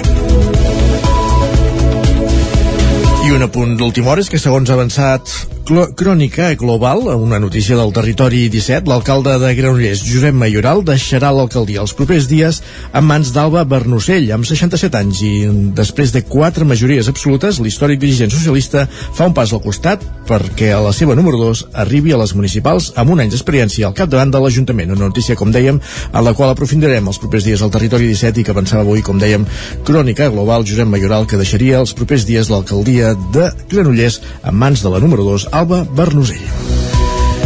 Més qüestions. Del Vallès Oriental cap al Ripollès, la vacunació ha frenat les morts massives per Covid a les residències del Ripollès. Amb aquesta contundència ens avança aquest, ens amplia aquesta informació l'Isaac Muntades des de la veu de Sant Joan. Han passat poc més de dos anys després de l'inici de la pandèmia de la Covid-19 i un dels col·lectius més afectats, sobretot amb les primeres onades, va ser el de la gent gran. Per sort, la vacunació ha ajudat a rebaixar la mortalitat substancialment, i més concretament en aquesta franja d'edat. Al Ripollès ja s'ha administrat la primera dosi del vaccí a 20.679 persones, persones, mentre que 20.264 tenen la pauta completa i 11.305 ciutadans ja han rebut també la tercera dosi. A les primeres onades el virus tenia una mortalitat molt elevada si entrava en una residència, però ara aquest risc s'ha rebaixat dràsticament. Un cas evident és el de la Fundació Vella Terra de Can Bànol. La responsable higiènic sanitari de la residència, Anna Jiménez, ho explicava així. Gràcies a l'esforç, al treball i al sacrifici de tots els professionals, dels usuaris i dels familiars, hem anat esquivant eh, el virus durant tota la pandèmia, però finalment durant la sisena onada el virus ha entrat a la residència i gràcies a la dosi de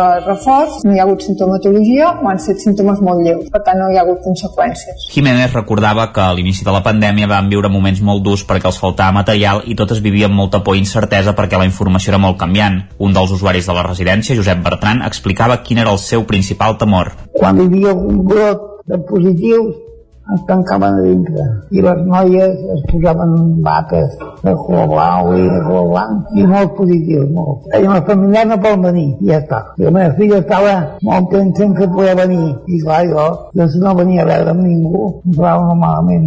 El passat no s'acabaria mai, mai, això cada dia, cada dia, quan fes molt 500, 600. Conchi Cantero, familiar d'una usuària de la residència, al principi tenia la seva mare amb Alzheimer tancada a casa i just quan va poder ingressar-la a la residència va esclatar esclatar-hi un brot de Covid. La vaig ingressar aquí a la residència ja el dia 15 de desembre i al cap de 10 dies eh, ens van comunicar de que tenia de tancar-se tot perquè van donar positius tres usuaris i evidentment tancava tota la planta. No, no podien les visites i jo vaig deixar de veure la meva mare doncs, els 10 dies corresponents que li tocaven. Bueno, van ser més, van ser 15 dies, 20 dies que no vam poder veure-la per videotrucades perquè bueno, aquí doncs, es van portar molt bé amb tothom. Fins fa pocs dies les dades epidemiològiques del Ripollès eren força bones, però han empitjorat lleugerament en els darrers dies, ja que l'índex de risc de rebrot ha augmentat en uns 500 punts i se situa en 712 i 52 casos positius diagnosticats del 10 al 16 de març. La RT o taxa de propagació del virus se situa per sobre dels dos punts i és la pitjor de totes les comarques de Catalunya. A més, el percentatge de PCRs i tests d'antígens positius ja s'acosta perillosament al 10%. Des de l'inici de la pandèmia, al Ripollès ja s'han produït 105 defuncions.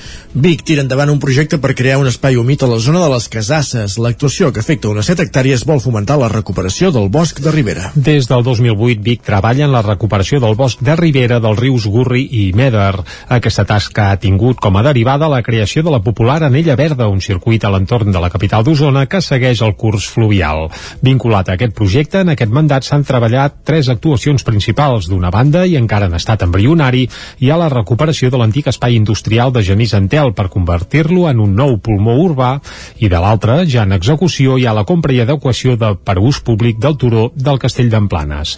Per últim, en el ple d'aquest mes de març es va aprovar també per unanimitat la creació d'una zona d'aigua molls al sector de les Casasses, al límit entre el terme municipal de Vic i el de Gurb. En aquest espai de 70.000 metres quadrats, al marge dret del Gurri, s'hi farà una actuació similar al que s'ha fet en altres punts de la Milla Verda, explicava el regidor de Medi Ambient de Vic, Albert Castells. En concret, es retiraran espècies d'arbrat arbrat i vegetació invasores o al·lòctona oportunes se'n plantaran d'autòctones i s'adequarà el camí perquè pugui tenir ús públic. La gran novetat respecte d'altres zones restaurades de l'entorn del riu serà la creació d'un espai d'aigua moll. Això significa que aprofitant el meandre que fa el curs fluvial en aquest punt, es farà una primera bassa a prop del riu que quedarà inundada quan hi hagi crescudes. A la zona humida s'hi potenciarà vegetació com els canyissars i s'ha de convertir en un reclam per tota la mena de fauna que viu o cria en aiguamolls. El projecte també inclou la instal·lació de panells informatius sobre la fauna i vegetació de l'entorn i una estructura per aguaitar sobretot els ocells. El cost de la intervenció és de 257.000 euros que es finançaran a través d'una subvenció de l'ACA i també amb recursos municipals. Si els terminis de l'administració es compleixen, la intenció és executar aquest projecte de cara a la propera tardor. Més qüestions. L'espectacle Qui planta canta, amb la natura com a fil conductor, ha tancat els actes de commemoració dels 50 anys d'Òmnium Osona. A l'acte hi va assistir Quim Forn, exconseller d'Interior, que forma part de la nova Junta Nacional d'Òmnium. La sala Ramon Montanyà, Ramon Montanyà de l'Atlàntida de Vic es va omplir dijous de gom a gom en l'acte central de commemoració dels 50 anys d'Òmnium a Osona. L'espectacle titulat Qui planta canta estava previst per fa un any, però davant de la situació de pandèmia es va posposar i ha servit per tancar la celebració del cinquantenari en l'any en què Òmnium Osona ja fa 51 anys. Escoltem el Fred Verdaguer, president d'Òmnium a Osona. Avui és un acte molt especial perquè és una mica diferent, no és un acte de parlaments com podem pensar a vegades al 50 aniversari, és un acte que és com una funció teatral, que es parlarà, costarà de que 50 anys es resumeixin en una hora, però es parlarà, òbviament, del nostre llengua, cultura, país, però es parlarà de, de llavor, de, de créixer, d'amor, de vent, eh, bàsicament en si és pròpiament més una funció teatral. Qui planta canta tenia com a fil conductor el cicle de la natura i passava pels quatre grans eixos en què treballa Òmnium, llengua, cultura, cohesió i país. Després d'una arrencada espectacular, quan tot de terra va cobrir l'escenari, el muntatge, amb teatre, música, poesia i recursos visuals van explicant la història de l'entitat, els fets que n'han marcat la trajectòria i les persones que hi han jugat un paper important. Entre els assistents hi havia l'exconseller d'Interior Quim Forn, que s'estrenava a Vic com a membre de la nova Junta Nacional d'Òmnium Cultural. Em van convidar a participar en aquesta nova Junta, ho he fet amb molt de gust, ho faig amb molt de gust, i com deia el Fredi, de, de poder-me estrenar en, aquesta, en aquest acte d'avui. Tots nosaltres ens hem eh, posat uns objectius molt clars, necessitem més gent que mai, necessitem continuar treballant, és una mica el lema d'aquest eh, 50 aniversari, no? compromís i lluita, doncs això és el que hem de continuar fent, compromesos amb Catalunya, amb el nostre país, amb la llengua, amb la nostra cultura i eh, lluitant sempre eh, per assolir la llibertat del nostre poble. Actualment Òmnium compta amb 7.300 socis a Osona i el Lluçanès, una xifra que arran del procés independentista s'ha més que triplicat, ja que l'any 2014 n'hi havia 2.000.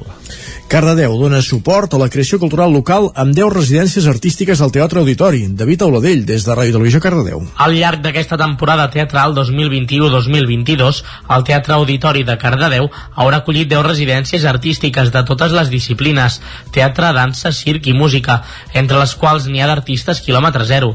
En teatre, Hamlet 1.0 de Sergi Belbel, amb preestrena exclusiva a Cardedeu. En circ, companyies que ja han estrenat com TQM, Leandre Clown i Paquí Paià, i una que farà residència al maig, la companyia N. En dansa, la companyia Sònia Sánchez i la companyia Alba Morera, i en música, la companyia Marc Bezana i Roger. El TAC és l'espai principal on s'acullen les residències artístiques de creació. És un equipament cultural amb molta activitat que, a més d'acollir la programació estable d'arts escèniques, la programació escolars per infants i joves i les activitats del teixit associatiu local, acull també companyies professionals que fan residències del teatre per avançar les seves creacions. A més del TAC, també poden acollir residències la Sala Sarau, el Cinema Esbarjo o les sales de la Tèxtil Rase, entre d'altres. Les companyies com a sector professional valoren molt que hi hagi ajuntaments i agents culturals que facilitin equipaments i recursos públics per afavorir la creació. Per l'Ajuntament de Cardedeu, el fet que companyies professionals creïn part dels seus espectacles al teatre és un valor cultural pel municipi i una oportunitat per sensibilitzar en la creació cultural. Gràcies, David. No deixem el Vallès Oriental perquè la desena edició de la Fira de l'Oli i vuitena edició de la Fira del Pa Artesà han reunit centenars de visitants aquest dissabte a Vigues i Riells del Fai.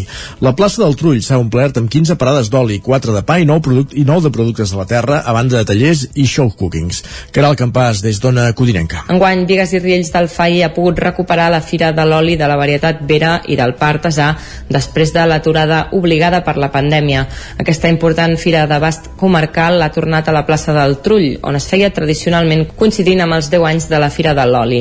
Toni Verdugo, regidor de Promoció Econòmica i Turisme, explicava que la seva intenció és atraure un públic familiar i també oferir altres tipus de productes. La, poden vindre famílies, el que volem és que vinguin les famílies i els nens poder no els interessa tant les parades d'oli, però sí aquestes atraccions que hem posat, que hem posat per ells.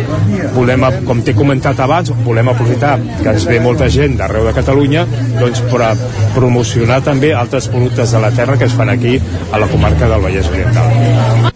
Joan Galiano, alcalde de Vigues, apuntava que la seva intenció és posar en valor la denominació d'origen de Vera de la comarca com a producte singular, únic i d'extrema qualitat. Alhora apuntava que la gran majoria de productors són del Vallès, però també n'hi ha d'altres llocs de Catalunya.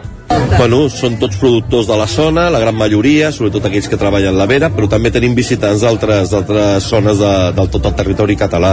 Cada any ens acompanyen, ens ensenyen les seves, els seus productes i la veritat és que estem molt contents i orgullosos de que puguin participar any rere any. No?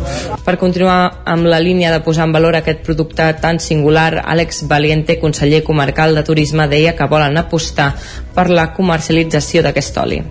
Riells, la veritat que tenim molts productors, el que volem és també a, apostar per la comercialització d'aquest oli, no? Moltes vegades els productors fan la feina de, de cuidar la terra, de, de fer l'oli, a la feina més farragosa, però a la vegada també necessiten l'ajuda de les institucions per fer uh, accions com aquesta, no? la comercialització. Aquesta fira organitzada amb el suport del Consell Comarcal es feia habitualment al gener, però la pandèmia ha obligat a fer-ho al març. D'altra banda, des del Consell Comarcal tenen un projecte en paral·lel per aconseguir la denominació d'origen oficial de l'oli de Vera del Vallès, però diuen que és un projecte a molt llarg termini. Perfecte, més fires perquè la Fira Vic Eslot arribava aquest diumenge a la quinzena edició, un aniversari que ha pogut celebrar tornant a la plaça Major dos anys després, ja que l'edició del 2020 es va suspendre i la pandèmia també va motivar que l'any passat la mostra es traslladés al Parc Balmes. Tot i la pluja, el balanç de la Fira és positiu.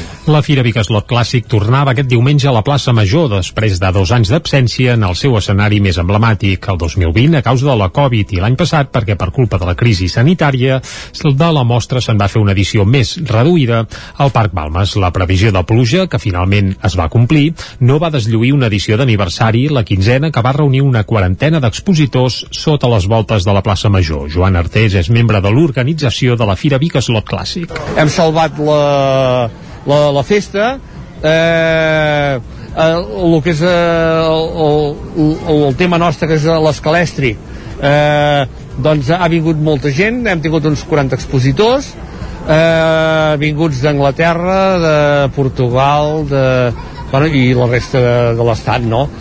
i la gent bueno, també venen aquí i estan bueno, molt contents i saben que, que poden venir a, a buscar i a trobar allò que no trobaran en una botiga o que no trobaran eh, eh, eh, molt, molt a mà.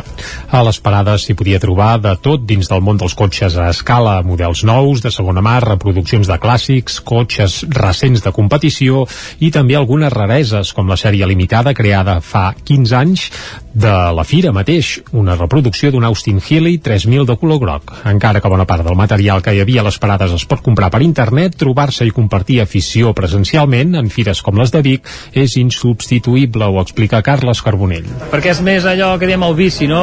El d'allò de tu, de veiem quina peça trobo, aquesta peça em falta, o ja si vaig allà a Vic, que venen els anglesos, que venen francesos, que ve gent que no exposa durant tot l'any a altres fires i Vic esperen a Vic, no? Com inclús eh, col·leccionistes que només venen a la Fira de Vic, de, de Catalunya, i no van a altres fires, i que és curiós. I és una fira que a mi personalment m'agrada molt, a part que soc d'Arbúcies, vull dir que és la fira de casa, no?, que diem, vull dir que m'agrada molt. La pluja sí que va notar-se en una lleugera davallada dels participants a la trobada de clàssics que es va instal·lar al centre de la plaça. Seat 600 i 127, Minis, R5 compartien protagonisme amb un Rolls Royce Silver Shadow dels anys 70, un Ford Mustang o un Chevrolet Bel Air de l'any 1957. Casa Terradellos us ofereix el temps. I dels cotxes clàssics el temps. Uh, que també és un clàssic, Exacte. el tema del temps i, i en Pep Acosta que encara, encara més, també és un clàssic vai, el saludem de seguida de nou Pep, bon dia Hola, molt bon dia. I molt bona hora. Uh, normalment, uh -huh. aquest any ja, ja ho sabeu, uh, jo pronosticava uns litres Sí. sí. i en queien molts menys del Era que un- pronosticava. era un clàssic I ahir per fi vam ja ho dèiem ploure, va ploure bastant més del que jo pronosticava. Per tant, Uh, molt bona notícia, tots contents, eh, jo crec. Uh, I jo tant. content, uh, tothom, tothom content, jo crec que ha d'estar tothom content amb la puja que hem tenit ahir. I no acaba de fer net, no acaba de fer net el tema. Uh, seguim amb, aquesta, amb aquest flux entre Llevant i Gregal, amb molt poques hores de sol, uh, realment un mes de març amb poquíssimes hores de sol, molts núvols, avui també molts núvols, temperatures mínimes que han baixat per sobre els 5 graus de moltes poblacions i atenció, Pirineu han baixat a 7, 8, 9 sota 0 les temperatures baixes, molt baixes de nit i de dia tampoc pujaran gaire perquè continuem aquesta nuvolositat eh, poden caure alguna precipitació però avui jo crec que sí que molt poca cosa res a veure amb les pluges d'ahir avui a tot estirar 5-10 litres els jocs són poc i més, a la majoria entre 0 i 1, és a dir, que cauran 4 gotes. De cara a la tarda, mmm, aquestes pluges poden marxar, no hi haurà tanta possi- possibilitat de pluja, però la temperatura no pujarà gaire. La majoria de les màximes entre els 12 i els 14 graus. Hauríem d'estar amb temperatures ja superiors a 20 graus de dia i mínimes entre 4 i 5, amb una amplitud tèrmica molt important, i no, hi ha una amplitud tèrmica molt, molt petita, eh, que és una cosa que, que m'ha destacat tots aquests dies perquè és, és, eh, no és habitual, eh, tan, poca, tan poca amplitud tèrmica. Fins al cap de setmana tenim aquest temps, no tanta pluja com ahir, eh, repeteixo, però, però diguem tenir aquest temps de núvols, d'ambient inestable, alguna pluja, eh, no es veu un anticicló i temps i temps estable per enlloc. Veurem, veurem què acaba passant els pròxims dies, però el panorama és aquest, eh? Ambient tapat, humit i alguna pluja. I temperatures força baixes, no es recuperaran ni de bon tros. Moltíssimes gràcies i fins demà. Adeu. Exacte, que vagi bé, Pep. Vinga, Vinga, anem cap a parlar d'economia. Casa Tarradellas us ha ofert aquest espai. Territori 17. Envia'ns les teves notes de veu per WhatsApp al 646 079 023. 646 079 023. WhatsApp Territori 17.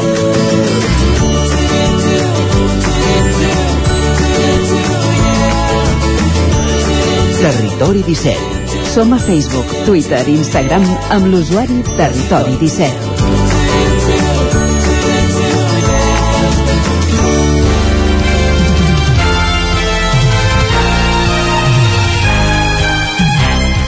Doncs vinga, com dèiem, parlem d'economia, ho fem com cada dimarts en companyia d'en Joan Carles Arredondo, el cap d'Economia del 9-9 del Vallès Oriental, aquí ja saludem. Bon dia, Joan Carles. Bon dia.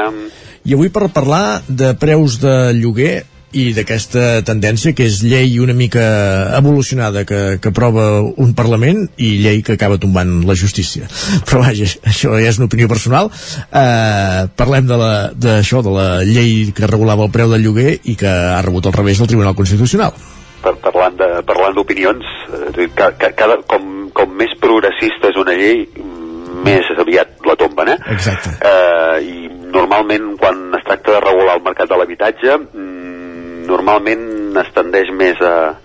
a, a, a, a, o sigui, el, el factor menys protegit, l'element més protegit el, el, és precisament el comprador. Eh? Eh, ho, ho sabem amb el, amb el tema de les hipoteques, eh, quan, quan va haver-hi mm, el tema de les clàusules sol, que va haver-hi una resolució del Suprem que sí que era favorable al consumidor, diguem-ne, i que de seguida el mateix Tribunal Suprem es va auto, es va auto-rectificar. Eh?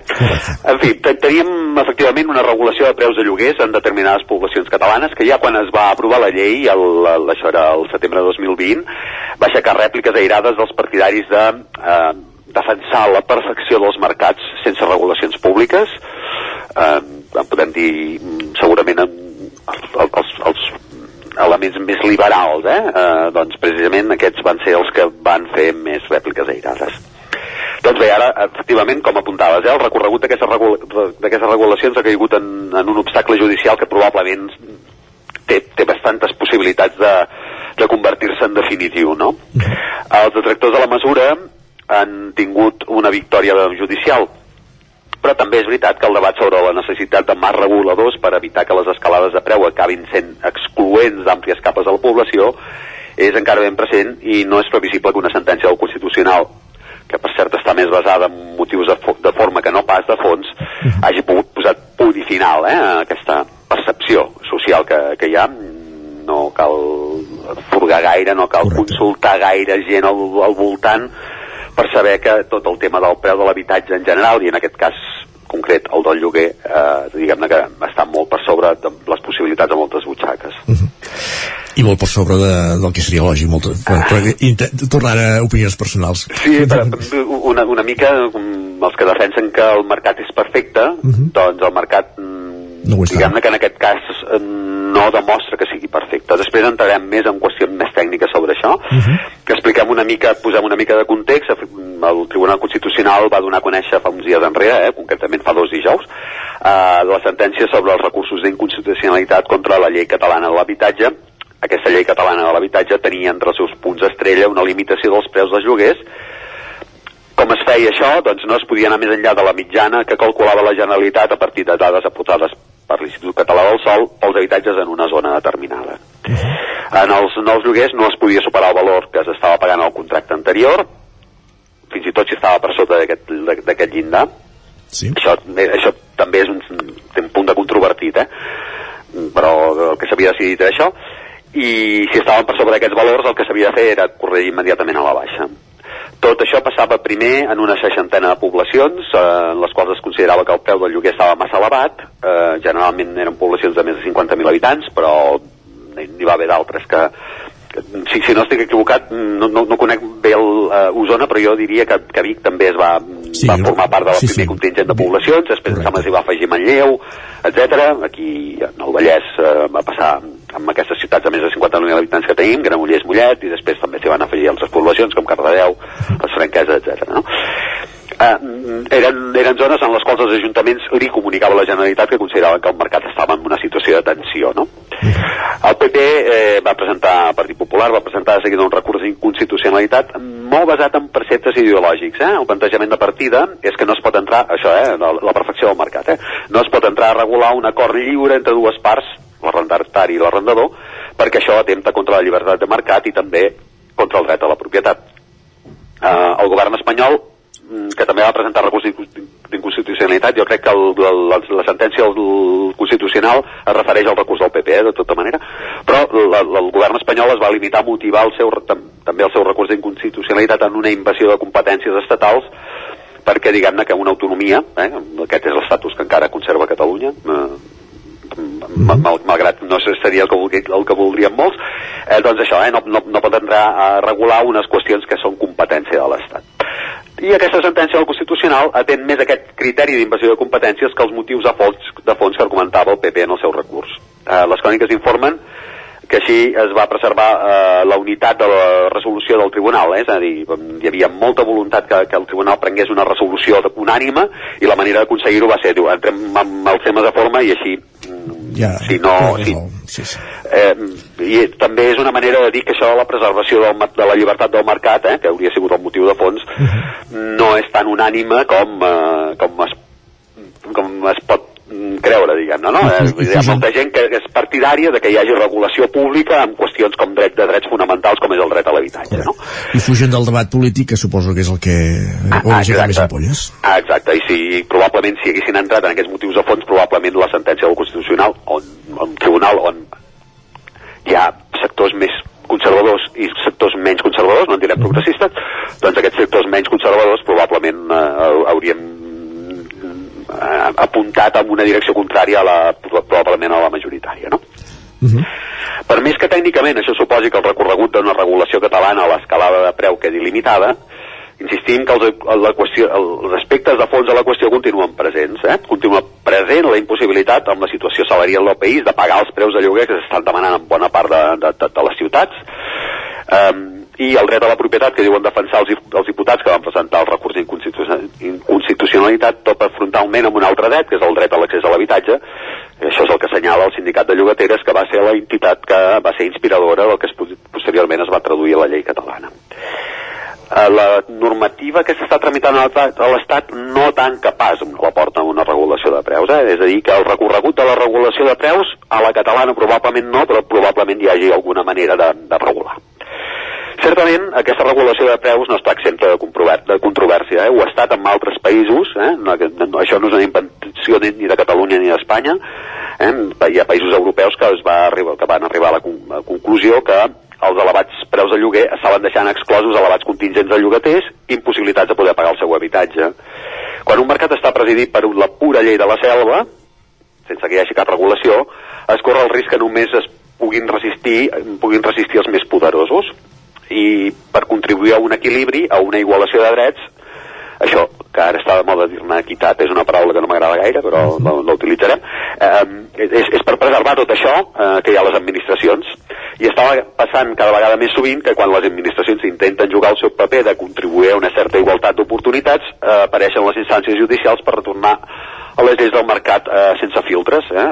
Aquí tenim un, un xoc de legitimitats entre el dret a la propietat i el dret a l'habitatge i la intervenció del Constitucional s'ha decantat, almenys en aquest cas, cap al dels propietaris. Per davant de, de vaig acabant, eh? Sí, sí. Per davant de, de consideracions interessades del sector, eh? Hi ha un comunicat de premsa del portal Fotocasa que advertia poc després de la sentència del Constitucional que l'oferta d'habitatges de lloguer s'havia contret a Barcelona un 20% i en canvi els preus havien crescut un 11%. Mm, bueno, això és una visió de, de Fotocasa. Eh, hi, ha una, hi ha visions mm, més eh, equilibrades eh, d'economistes que diuen que els, que els preus van baixar un 6% als municipis i que no es pot acreditar que l'oferta baixés. Eh, us recomano que ho veieu això al blog Nades Gratis, eh, que és on hem tret aquesta informació d'uns economistes que són, donen aquesta posició més equilibrada. Doncs el preu del lloguer que ha rebut aquest revés pel que fa a aquesta llei que pretenia regular-lo. Gràcies, Joan Carles, avui per comentar-ho al Territori 17 en aquest espai econòmic de cada dimarts. Gràcies a vosaltres. Bon dia. Bon dia. El Territori 17 que avança. Continuem fent tot seguit una pausa i arribarem a l'Equador. Ho farem repassant les pilades i entrarem també a la taula de redacció. Fins ara mateix. El nou FM, la ràdio de casa, al 92.8. A la rostisseria El Plat ens agrada la cuina de sempre, la de les àvies i de les mares, la cuina feta amb paciència com s'ha fet tota la vida. Vine a provar els nostres canelons gruixuts o els croquetons, les nostres croquetes de 80 grams i recupera el gust del pollastre l'as com els que es menjaven abans. Ah, i aprofita fins a finals de febrer 20% de descompte en els canelons i el pollastre. Rostisseria El Plat, encàrrecs fins a les 12 del migdia i servei a domicili. Ens trobaràs de dijous a diumenge al carrer Església número 6 de Taradell o al 93 130 35 58 85. Cobertes serveis funeraris. Els nostres tanatoris estan ubicats en els nuclis urbans més poblats de la comarca d'Osona per oferir un millor servei. Tanatori de Vic, Tanatori de Manlleu, Tanatori de Centelles i Tanatori de Roda de Ter. Sabem que són moments difícils i per això el nostre compromís és atendre-us en tot moment amb un tracte humà, sensible i respectuós. Cobertes serveis funeraris. Telèfon 24 hores 93 883 23 46. Ja tens la teva disfressa? Carnestoltes a Manli. Vine i demana'ns la disfressa que vulguis. Trobaràs un món de fantasia en disfresses i complements per al Carnestoltes. Hi ha uns preus especials. Som al carrer Ramon Soler, número de Vic, i també ens trobareu a manli.cat. Fem de la festa una bogeria. Una bogeria. A El racó de León ja és primavera. Gaudeix de la nostra terrassa, vine a tastar les xuletilles de lechal a la brasa amb una bona amanida o el xuletón de vedella gallega. No et pots perdre el nostre lechado de Castilla al forn o el cochinillo a l'estil de Segovia. Tot acompanyat del millor celler, al menjador o fora la terrassa. Descobreix la millor cuina de Lleó sense moure't de casa. Vine amb la família, els amics, la parella o sol. T'encantarà. El racó de León, cuina tradicional lleonesa i de mercat. Som al carrer Torelló número 35 de Vic. Per reserves, telèfon 93 889 1950. El racó de León, una cuina diferent. Cocodril Club. Si t'agrada la bona música dels anys 60, 70 i 80, escolta el 9 FM els matins de dissabtes i diumenges d'11 a 1. És el temps del Cocodril Club, tot un clàssic de la ràdio, amb les bases del pop-rock, les llegendes, les cançons que s'han convertit en autèntics himnes. Recorda, dissabtes i diumenges al matí, d'11 a 1, al 9 FM 92.8. Cocodril Club, el programa revival de l'Albert Malla. Hasta luego, cocodrilo. Anuncia't al 9FM. La màquina de casa. 9 3 8 8 9 4 9 4 9. Publicitat arroba al 9FM.cat. Anuncia't al 9FM. La publicitat més eficaç. El 9 FM. El 9 FM. El 9 FM. En punt, dos quarts d'onze al territori 17.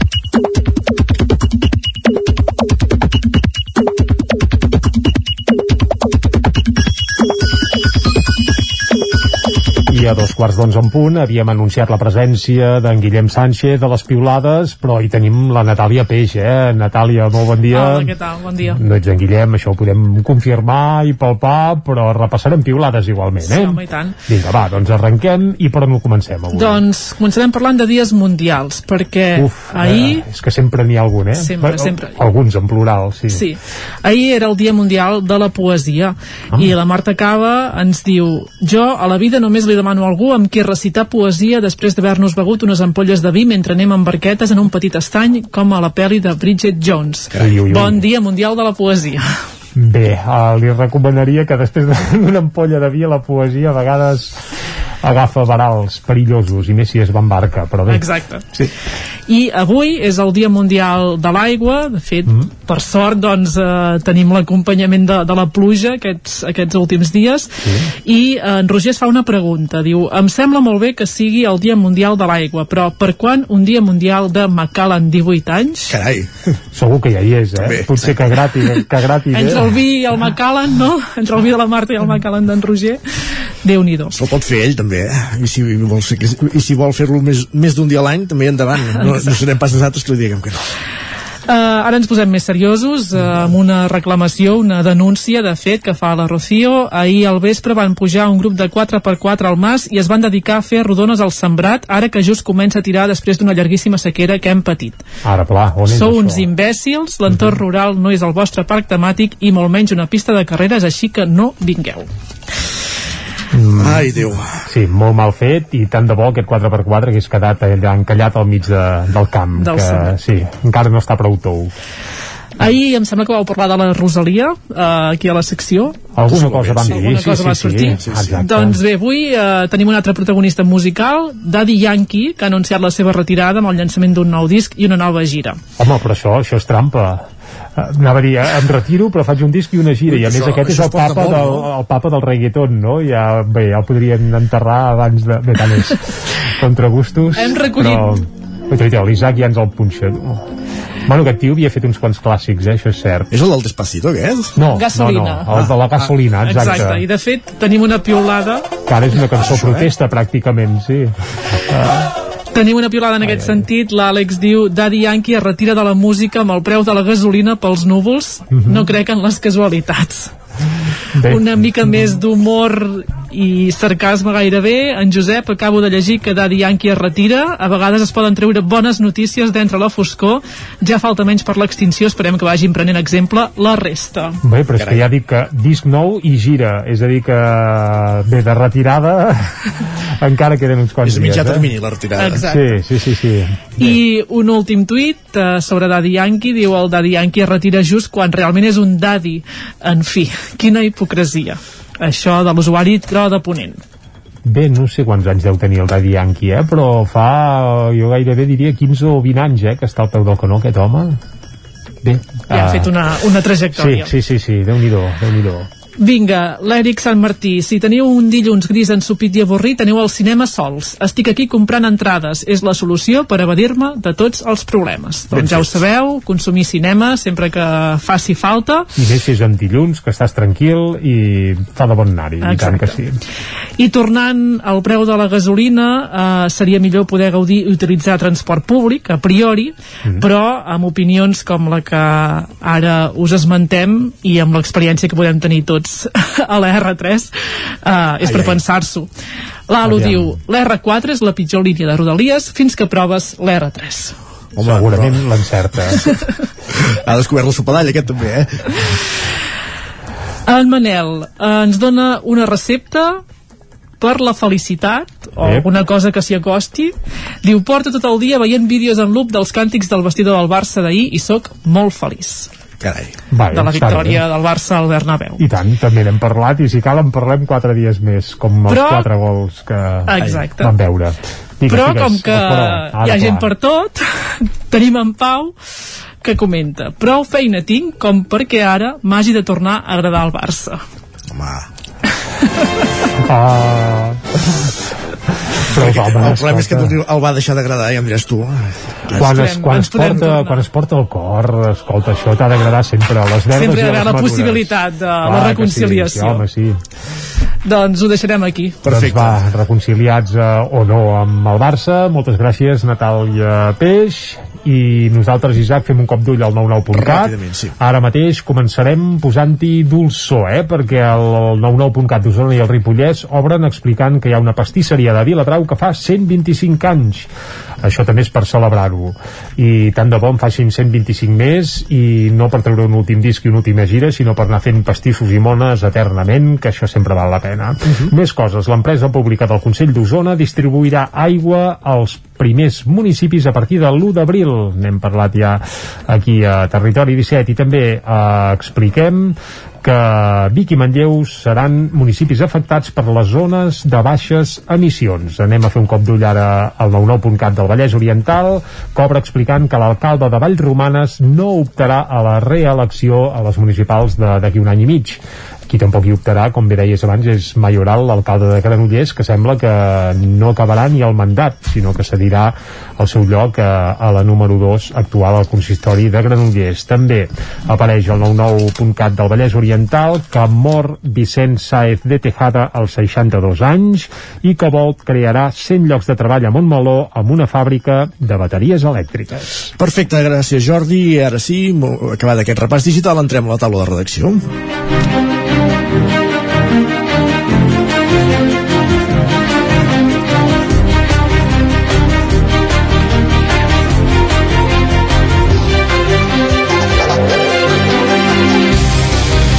Taula de redacció avui en companyia de la Txell Vilamala i d'en Guillem Freixa. Txell, bon dia. Bon dia. Per parlar de, de gestió hospitalària, de gestió assistencial, i en aquest cas, perquè Rosa Maria Morral, fins ara directora assistencial del Consorci Hospitalari de Vic, ho és també de l'Hospital de Can Davano. Exacte, uh, la doctora Morral ha assumit aquest uh, mes de març el mateix càrrec a l'Hospital de Can de Bànol que ja tenia el Consorci Hospitalari de Vic, és la directora assistencial, tot i que, segons explica ella mateixa, compagina totes dues feines amb independència l'una de l'altra, és a dir, que al darrere no hi ha cap reordenació dels fluxos hospitalaris ni la voluntat que el Consorci i l'Hospital de Can de Bànol doncs, passin a tenir una direcció compartida. El procés de selecció es va obrir ja la tardor passada, de fet, eh, revisant la que vam veure que havien, havien sortit anuncis eh, aquí mateix, al 9-9, explicant que es buscava director assistencial. Eh, va estar obert el procés durant setmanes, després que Raül Otín, que era la persona que ocupava la plaça, anunciés que tenia intenció de plegar i no es cobria. Eh, es demanava entre els requisits eh, ser llicenciat o graduat en Medicina, a més a més de poder acreditar formació en càrrecs de gestió i com diem, eh, durant setmanes eh, no s'hi va presentar ningú, l'oferta va acabar quedant deserta, ens diuen des de l'Hospital de Can de Bano a causa de la dificultat de trobar professionals sanitaris que ja hem explicat en altres ocasions que es repeteix en el cas dels metges i també amb el personal d'infermeria. Eh, posteriorment en la tria i el nomenament de Morral hi va pesar el fet que ja coneixia la realitat del Ripollès per la tradició de projectes compartits amb el Consorci Hospitalari. Tot i això, com dèiem al principi, el Departament de Salut sembla que té molt interès a deixar clar que es tracta d'una situació provisional i que no implica que els habitants del Ripollès tornin a tenir l'Hospital Universitari de Vic com a complementari del de Camp de Bànol per determinades intervencions quirúrgiques, urgències o, o les visites a l'especialista. De fet, eh, si us en recordeu, eh, havíem funcionat amb aquest sistema més o menys fins a l'any 2019, fins a aquella tardor, però llavors es va decidir tirar endavant una reordenació dels fluxos hospitalaris eh, fer-los casar ben bé amb les regions sanitàries i això vol dir que els habitants del Ripollès doncs, van virar cap a la regió sanitària de Girona i efectes pràctics cap a l'Hospital Comarcal d'Olot i la Garrotxa i també cap a l'Hospital Josep Trueta de Girona. El Departament de Salut va prendre la decisió en aquell moment eh, de desfer l'anomenat eh, diguem Triangle del Senglar, és com s'anomenava Sí, sí. aquesta aliança entre el Consorci Hospitalari de Vic, eh, entre l'Hospital antic Hospital General de Vic, eh, l'Hospital de Can de Bànol i també l'Hospital l'Hospital d'Olot. Per tant, eh, recordem també que en el seu moment, quan es va fer aquest canvi l'any 2019, hi va haver moltes queixes, sobretot eh, de la banda de la Vall de Ribes, eh, també Can de Bànol i el Baix Ripollès, eh, més proper a Osona, diguem, la Vall de Camprodon sí que és veritat que té més a prop la, la Garrotxa. Eh, llavors, eh, hi va haver queixes, sobretot els pacients eh, protestaven pel fet de que es fes aquesta reordenació que implicava més quilòmetres i a més a més en un trajecte que no està ben cobert amb transport públic. Uh, va semblar que hi podia haver algun canvi, uh, de moment no l'hem vist i la doctora Morral i el Departament de Salut i l'Hospital de Can Davant no mateix de fet també ens explicaven uh, que amb aquesta direcció assistencial que uh, uh, diguem cristal·litza en la mateixa persona tampoc hi ha aquesta voluntat de, de tornar a reordenar els fluxos. Per tant, uh, tenim d'una banda això la doctora Morral al Consorci Hospitalari de Vic i la doctora Morral però amb una altra faceta a l'Hospital de Can Davant tot i que fent la mateixa feina. Que, I quin... físic, físicament estarà als dos llocs. És físicament està als dos llocs, la major part de la setmana al Consorci Hospitalari de Vic, però sí que hi ha dos dies eh, que puja cap a Can de Bànol. Ell ens explicava que d'entrada ja té clar que un dels reptes que haurà d'afrontar al capdavant d'aquesta institució de Can de Bànol és la dificultat de captar professionals. Eh, ja sabem que la falta de metges i infermeres és un problema generalitzat arreu del país, però s'agreuja en paral·lel amb la distància respecte a l'àrea metropolitana de Barcelona i també les grans ciutats. Ella deia, la doctora Morral, eh, que hauran de saber explicar que hi ha projectes que tenen més opcions de desenvolupar-se, doncs potser en un entorn més eh, rural, que no és tan urbà, i també eh, saber potenciar el fet que cada dia doncs, es tracta els pacients segurament, eh, no diríem d'una manera més humana, perquè a tots els hospitals eh, estic segura que s'intenta fer bona feina, però sí que aquí pesa més la proximitat, que és més complicat d'exercir doncs, en un entorn en què hi ha molts més, molts més habitants. Uh, I per recordar una mica el currículum de la doctora Morral, ella és llicenciada en Medicina i Cirurgia per la Universitat Rovira i Virgili, és especialista en Medicina Familiar i Comunitària i de fet uh, la major part de la carrera professional l'ha fet a, a l'atenció primària. Uh, abans d'incorporar-se al Consorci Hospitalari de Vic, que va ser el novembre de l'any 2018, havia tingut també càrrecs de responsabilitat a dins de l'Institut Català de la Salut, ara la teníem, diguem, en exclusiva al Consorci Hospitalari de Vic i, i des d'aquest mes de març doncs, també a l'Hospital de Can de Bànol. Perfecte, doncs aclarit tot plegat. Moltíssimes gràcies, Txell. Gràcies, bon dia. Bon dia, ens acompanya també, com dèiem, la taula de redacció en Guillem Freixa, perquè la setmana passada publicava el 9-9 dades sobre eh, obesitat a, la comarca d'Osona. Sí, uh, encara, encara continuem en l'àmbit hospitalari. Per sí, tot. continuem en aquest àmbit hospitalari. De fet, el que ha fet el Consorci Hospitalari de Vic aquests últims mesos és incorporar una nova tècnica quirúrgica vinculada a l'atenció a les persones amb obesitat complexa eh, aquestes tècniques fins ara eh, quan arribava un pacient que tenia aquesta obesitat eh, complexa que a través de dietes d'una primera atenció hospitalària no, no hi havia solució el que s'havia de fer era derivar-lo cap a l'Hospital Clínic de Barcelona on sí que hi havia aquesta capacitat d'operar amb els professionals també amb els eh, estris, amb els aparells adequats per fer aquestes operacions doncs des del mes d'octubre aquestes eh, actuacions, aquest tractament a les persones amb obesitat complexa també es pot fer al Consorci Hospitalari de Vic. Eh, aquesta novetat en cirurgia bariàtrica que afecta o consta de dues eh, tècniques. D'una banda, eh, limitar la ingesta d'aliments, per tant una part restrictiva, el que vol dir que l'estómac tingui menys eh, capacitat per uh, introduir-hi perquè albergui uh, aliments i de l'altra també es fa uh, una actuació en l'absorció de les calories que ingesta el, el cos humà. Per tant, la cirurgia bariàtrica que s'està aplicant tindria aquestes dues vessants. D'una banda es limita la ingesta d'aliments, per tant, l'absorció de, de calories, si menges menys, absorbeixes menys calories, i de l'altra, s'intervé en aquesta zona d'absorció, el que es fa és un bypass gàstric, això vol dir que els aliments van directament a una zona de l'intestí prim més allunyat d'on aquest aparell digestiu té la màxima capacitat d'absorció, per tant també s'absorbeixen menys, eh, menys calories i, i, i menys nutrients. Amb aquestes dues tècniques el que es vol aconseguir és la pèrdua de pes. Hem pogut parlar amb una de les primeres persones que es, es va operar eh, al Consorci Hospitalari de Vic, ella era la Maria Àngeles eh, Piedra, i ens deia, ens posava l'accent sobretot eh, que l'operació doncs, fa respecte, perquè passar per la sala d'operacions eh, sempre fa respecte, però que en aquest cas de, de tractar l'obesitat doncs, hi ha un procés molt important tant abans, tant en la prèvia de l'operació com després. Un treball integral amb diversos professionals que van des de dietistes, digestòlegs, endocrinòlegs, fins i tot eh, psicòlegs per, per eh, donar atenció a aquestes eh, per preparar de cara a aquesta intervenció i és més important fins i tot el postoperatori. Uh -huh. Es fa aquesta reducció d'estómac, també aquest bypass gàstric, i després ens explicava Maria Ángeles Piedra que ha hagut d'aprendre a menjar de nou, que ha canviat totalment la manera de menjar, que ara doncs, eh, s'ha de programar una estona per menjar, ho ha de fer d'una manera calmada, dedicar-hi un, un temps, que en els primers mesos també ha hagut d'anar veient què se li posa més bé eh, que d'altres aliments, aliments que són de difícil digestió doncs li costen més, el fet de reduir la capacitat de l'estómac doncs també fa que arribi un moment que noti el dolor ara mateix de, de quan em passa el, el menjar i li queda ple eh, l'estómac i que llavors s'ha de fer un treball mental molt important, està convençut que a tu t'han donat una oportunitat per reduir aquesta obesitat complexa que et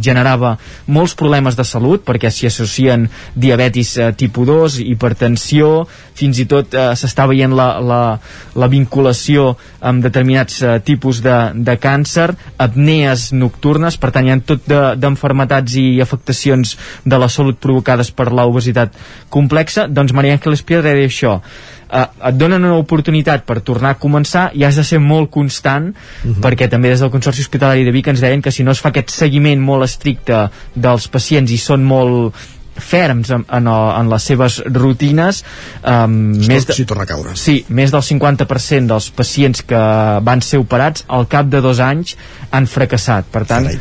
és molt important aquest uh, seguiment estricte que com dèiem permet aquesta, aquestes operacions, aquesta nova tècnica de cirurgia bariàtrica que es pot fer al Consorci Hospitalari de Vic. Perfecte, Guillem, doncs moltíssimes gràcies. Adéu, bon dia. Bon dia. I acabada la taula de redacció el que fem serà parlar d'aigua, parlar de natura, com, sem, com fem un cop al mes amb el Centre d'Estudis dels Rius Mediterranis. Avui amb la Núria Sallarès.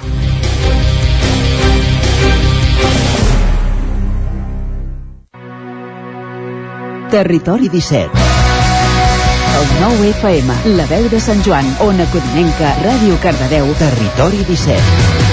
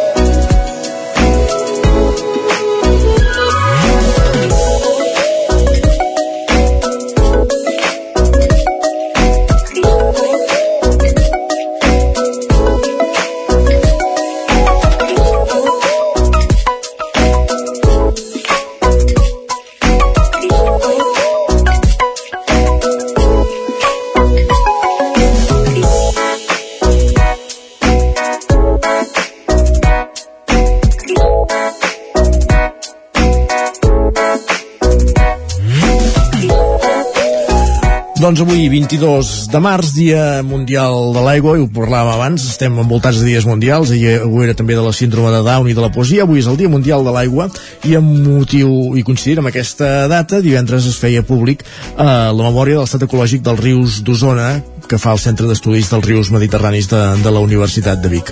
El titular eh, no ens sorprèn perquè podria dir que és habitual en els darrers anys, si més no per una part, perquè el titular és la sequera i els adobs en excés fan disminuir la qualitat dels rius d'Osona. Eh, la sequera sí que és més pròpia d'aquest 2021. Els adobs eh, ja és un, un problema habitual. Ja és habitual detectar l'excés de nitrats moltes vegades també en els, en els rius. En parlem amb una de les tècniques del Centre d'Estudis dels Rius Mediterranis, la Núria Sallarès. Bon dia. Hola, bon dia. Com comentàvem, aquest és el titular, la sequera i els adobs en excés fan disminuir la qualitat dels rius d'Osona el 2021. Una mica explica'ns, com, com a, primer de tots, eh, abans d'arribar a aquesta conclusió, com, recordem com funciona el treball de camp, Núria, per, per, per, per arribar a, a això, a, a aquestes conclusions, no? Sí, t'explico. Mira, que nosaltres cada any, eh, des del centre d'estudis, fem, estudiem quin és l'estat ecològic de, de diferents cursos fluvials o diferents rius d'Osona. El que fem és, eh, fem, ens desplacem fins a diferents trams de riu, llavors el que mirem són com diferents paràmetres, mirem com la, la part eh, de la forma, la morfologia i el bosc de ribera del riu, mirem la qualitat física i química i mirem la qualitat biològica.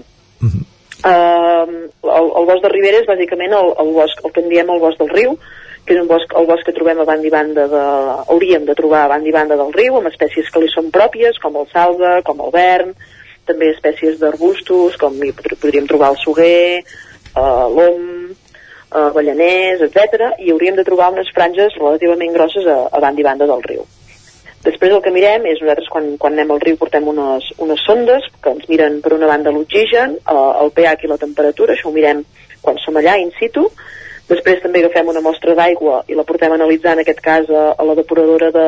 Ai, a la depuradora, al laboratori de, la, de depuradores d'Osona, uh aquí a Vic, a la depuradora de Vic, que ens fan les analítiques de, sobretot de, del que són els nutrients, l'amoni, els nitrats, els nitrits i els fosfats.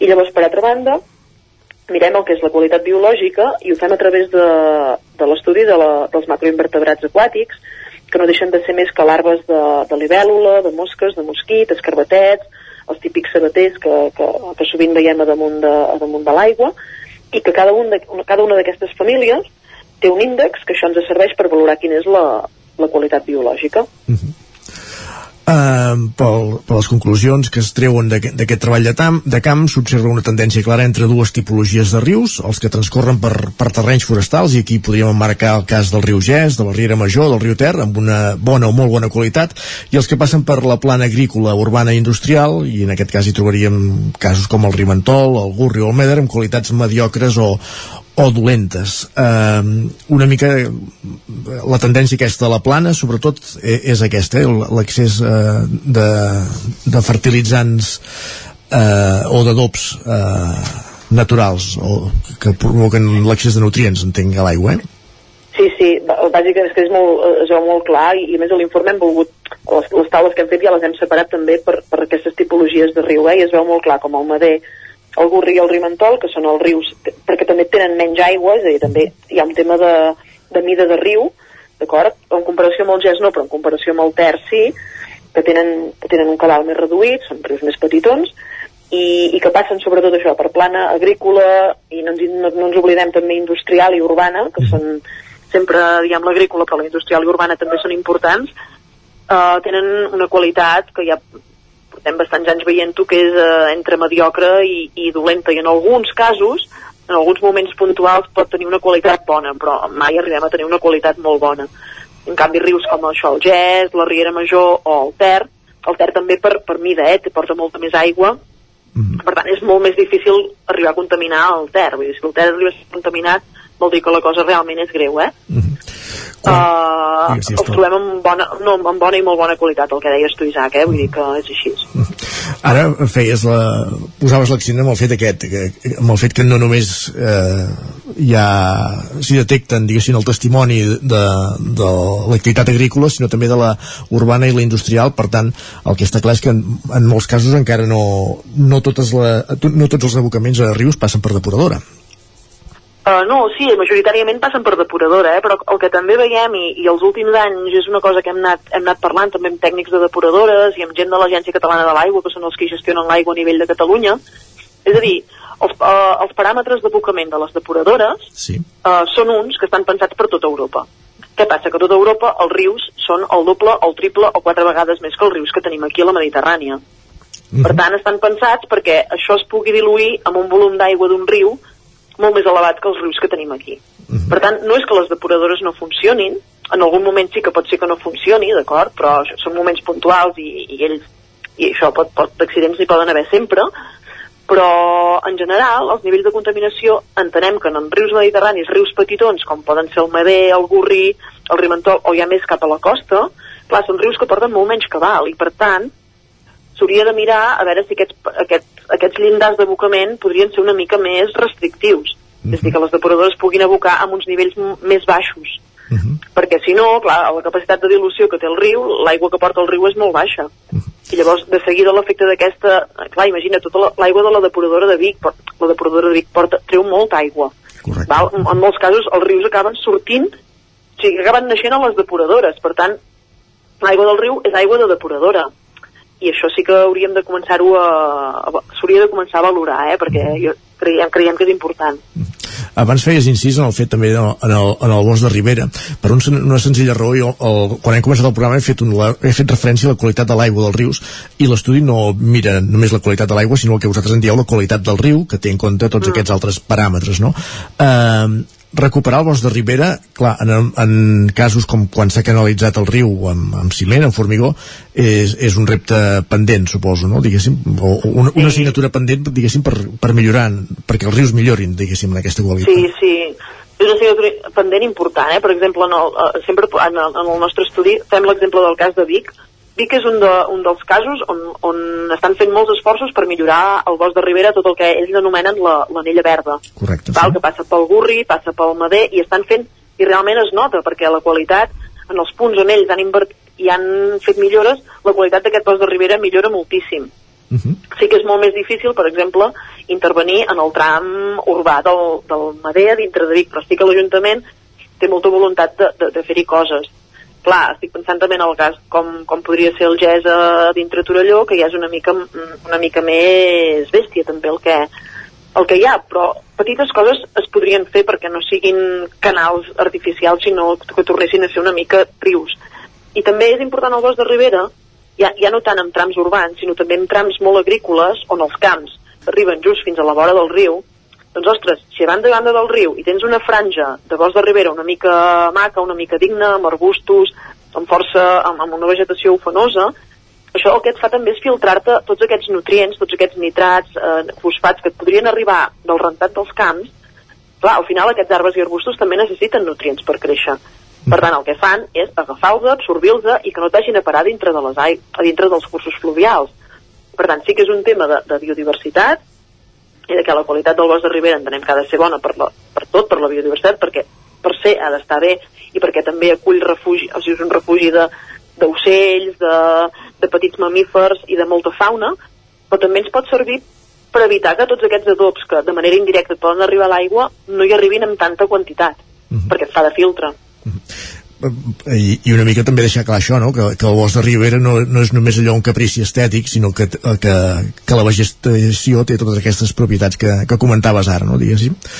Uh, sí, sí. I una de les solucions que, que s'apunten en aquest estudi, una és aquesta, restaurar els boscos de Ribera, i altres assignatures pendents serien reduir l'ús de l'aigua o aplicar menys adobs als camps. Eh, aquesta d'aplicar menys adobs als camps és una, una solució que fa molt temps que, que escoltem, que és, un, com dèiem abans, un dels mals endèmics de, de, de la plana de Vic o de, de la comarca d'Osona. Reduir l'ús de l'aigua, amb, què, amb què repercutiria, Núria? Home, reduir l'ús de l'aigua repercutiria en que el cabal continuaria, és dir, l'aigua continuaria circulant pel riu, perquè al final la majoria de municipis de la comarca, eh, l'aigua que ens arriba a casa ens arriba de captacions del riu Uh, sí que molts municipis tenen els seus pous, tenen captacions d'aigua subterrània, però la majoria uh, agafen aigua o del riu Ter, sí, del riu Ter i en algun cas del riu Gès, però tant, tant aigües, aigües d'Osona Nord com aigües d'Osona Sud com aigües Vic, uh, tots els punts de captació són, són aigües del riu. Per tant, sí que si nosaltres fem menys, gastem menys aigua, menys aigua que haurem de captar del riu i, per tant, molta més aigua que hi haurà circulant. -hmm. Uh, hem citat aquests sis rius que hem comentat abans, Gès, mm. Riera Major, Ter, Rimentol, Gurri i Mader. Són els sis que heu estudiat o heu treballat amb alguns altres? Bàsicament aquí a la comarca? No, són... sí, bàsicament a la comarca estudiat, eh, hem treballat amb aquests, eh, sí, sí, sí, mm. perquè bueno, amb, amb, amb qui col·laborem, qui ens fa els encàrrecs i, i això ens, ens encarrega aquests, aquests trams, per tant són els que nosaltres estudiem. Mm -hmm.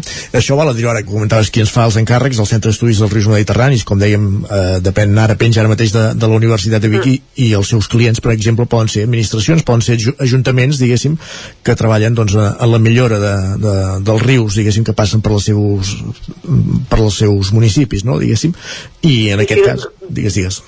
No, dic, de fet, eh, bona part de, dels encàrrecs són, de, en aquest cas, de l'Ajuntament de Vic i de l'Ajuntament de, de Manlleu. Uh -huh. Llavors també hi ha el, el Riu Gès que ens ho ha demanat, eh, en aquest cas, Aigües Vic, perquè els interessava, perquè ells tenen la captació, tenen la captació allà. Uh -huh.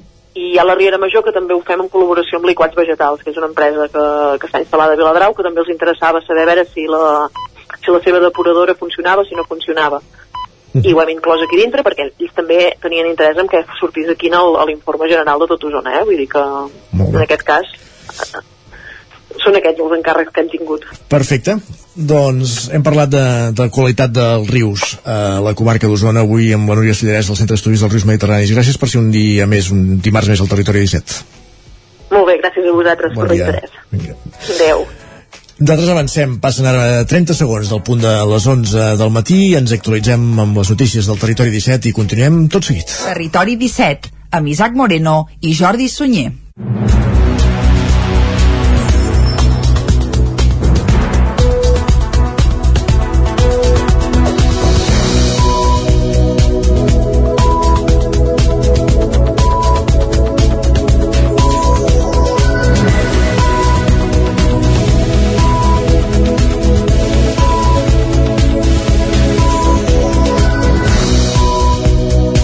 I us expliquem a aquesta hora que s'intensifiquen els controls per avaluar la contaminació, més rius en aquest cas, el riu Besòs, generada per l'incendi de Montornès del passat divendres.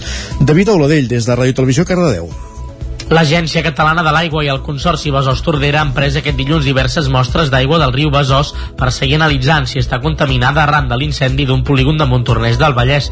Les mostres se sumen a les inspeccions ja fetes durant el cap de setmana. Durant tot el dissabte, l'ACA i el Consorci Besòs Tordera van fer diverses inspeccions on van constatar una làmina blanquinosa a l'aigua del riu, fruit de l'abocament provinent de l'extinció de l'incendi. També van comprovar que hi havia peixos morts en diversos trams, els quals van estar retirats per l'ADF, en coordinació amb els ajuntaments de Montcada i Reixac i Santa Coloma de Gramenet. Aquest dilluns, tècnics de l'ACA i el CBT han fet noves inspeccions des de Montornès fins a la desembocadura del riu per prendre noves mostres de l'aigua i analitzar si encara hi ha peixos morts. Els tècnics asseguren que visualment el riu presenta un color habitual. També s'està analitzant l'estat del col·lector i de la depuradora, que el mateix matí de dilluns va recuperar el seu funcionament habitual. La previsió és analitzar ara les restes del vessament que estan emmagatzemades als dipòsits de la depuradora. Un cop es tingui els resultats de les diferents analítiques a finals d'aquesta setmana, es recopilarà tota la informació de l'episodi i s'obrarà un expedient per analitzar quines són les següents accions. Com dèiem, avui és el Dia Mundial de l'Aigua i ahir era el dia de la síndrome de Down, una alteració genètica que comporta unes característiques físiques determinades i que en molts casos va associada a una discapacitat intel·lectual i a complicacions de salut. Vam parlar, hem parlat amb quatre joves usonencs que tenen síndrome de Down sobre com se senten tractats, com és la seva vida i com veuen el seu futur. Ells són l'Eloi Collell, la Minerva Comerma, l'Aida Umatell i la Marta Baquer. Els vam reunir a una cafeteria de Vic perquè ens parlin del seu dia a dia. Escoltem primer a Eloi Collell explicant què vol dir exactament tenir síndrome de Down. Vam néixer amb aquesta discapacitat, però no és cap, diem, no és cap malaltia. No patim. És la nostra manera de ser i ens, i ens costa una mica més les, les coses. Cullell precisament fa poc que es va convertir en mediàtic a tot el país, ja que presentava el programa perquè volen els avions de televisió de Catalunya i es va convertir en el primer presentador de televisió de l'Estat amb síndrome de Down. Quan pensa en el futur, però, més que en la televisió, té projectes per anar a viure amb la seva parella. La Marta, l'Aida i la Minerva també ens van explicar què els agradaria fer en un futur. El que m'agradaria molt a mi és poder viure uh, amb la meva parella, amb, amb l'Alicia, continuaré treballant fins que servi els meus estèrnics. M'encantaria moltíssim he sortit per una sèrie que sigui l'Ei, que l'Ei qui orden, perquè jo també puc ser actriu per... i que tingui una discapacitat. Eloi Collell, Minerva Comerma, Aida Umatell i Marta Baquer. Quatre joves usonencs amb síndrome de Down, sí, però tal com diuen ells mateixos, amb el dret a poder fer qualsevol cosa. Oh, i tant que sí. Més qüestions. Esquerra de Sant Joan de les Abadesses entregarà els guardons M de Barcelona a mitjans de maig. Isaac Muntades, des de la veu de Sant Joan. Aquest mes de març es va donar el tret de sortida a la cinquena edició del certamen Guardons M de Barcelona organitzat per la secció local d'Esquerra Republicana de Catalunya de Sant Joan de les Abadeses. Els premis volen reconèixer la trajectòria individual d'un Sant Joaní i també d'un col·lectiu del municipi, d'acord amb els valors que defineixen la figura de l'abadesa M. El president de la secció local dels republicans, Sergi Albric, explicava quines eren aquestes característiques. A persones individuals i col·lectius que hagin destacat per la seva dedicació al municipi, ja sigui a nivell social, associatiu, cultural, també que hagin posat en valor doncs, l'emprenedoria empresarial i també que hagin defensat el procés d'emancipació nacional o bé la llengua catalana i la cultura catalana. El període de votació es va obrir el passat 1 de març i es tancarà el 31 d'abril. La previsió és que els guardons s'entreguin el pròxim 14 de maig a les 12 del migdia a la plaça de l'Abadia. Es pot votar a través del formulari en línia que es difon a través de la xarxes socials de l'agrupació local d'Esquerra i també físicament a la dotzena d'urnes que s'han repartit en diversos bars i restaurants, forts de pa de la vila i l'oficina de turisme. Cal recordar que el certamen va néixer l'any 2017 i a les primeres quatre edicions es van premiar el Sant Joanín Ramon Vila, Francesc Fajula, Joan Guillemet i Pere Cubí en la categoria de persona individual i a la Unió Excursionista de Sant Joan, el Motoclub Abadeses, el SAT Teatre Centre i la Colla de Geganters i Timbalers en les categories de col·lectiu. El jurat del certamen el conformen quatre dones i quatre homes que representen el sector social socials, empresarials, associatius i polítics de Sant Joan. L'alcaldessa de Sant Martí de Centelles i el del Brull, Núria Roca i Ferran Teixidor tenen molts números a repetir com a candidats dels independents d'Osona a les properes municipals. També ho faran Josep Antoni Vallbona, de Sant Miquel de Balanyà, i Montse Joventeny, a Prats de Lluçanès. Núria Roca, Ferran Teixidor i Josep Antoni Vallbona, que estan al capdavant dels ajuntaments de Sant Martí de Centelles, el Brull i l'entitat municipal descentralitzada de Sant Miquel de Balanyà, i també Montserrat Joventeny de Movent Prats, són els primers caps de llista confirmats dels independents d'Osona de cara a les eleccions municipals del 2023. Segons explica Pere Medina, que és el coordinador comarcal del grup, és molt probable que també repeteixin altres alcaldes agrupats sota el paraigua de la federació, però a la majoria de municipis tot just ara se n'està començant a parlar. A l'altra cara de la moneda hi ha, per exemple, el cas de Vilanova de Sau, on Joan Riera sí que va anunciar ja la primavera passada que no té intenció de repetir després de quatre mandats pilotant el consistori. Medina explica que l'objectiu que s'han marcat d'entrada és presentar candidatura com a mínim a la dotzena de pobles on ara mateix tenen l'alcaldia. A banda de Sant Martí de Centelles, el Brull, Vilanova de Sau i l'entitat municipal descentralitzada de Sant Miquel de Balanyà, això vol dir que també estudien ser a Balanyà, Tona, Malla, Sant Bartomeu del Grau, Sant Boi de Lluçanès, Viladrau i Vidrà. I també a Roda de Terra, on Albert Serra va guanyar les eleccions, però ara mateix està a l'oposició, després d'un primer tram de mandat convuls i amb moció de censura inclosa. Malgrat que els alcaldes i alcaldesses veuen lluny encara les eleccions del 2023, Núria Roca ja ha explicat que té la intenció de tornar-se a presentar a Sant Martí de Centelles. Des del Brull, Ferran Teixidor també sembla que repetirà. A banda d'alcalde, ara mateix Teixidor també és el president de la Mancomunitat La Plana.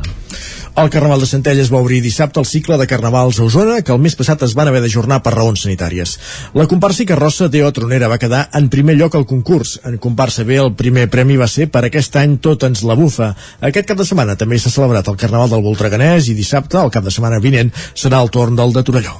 La figura d'una porca, de nom Pandèmia, feta amb mascaretes quirúrgiques de color rosa, obria aquest dissabte el Carnaval de Centelles.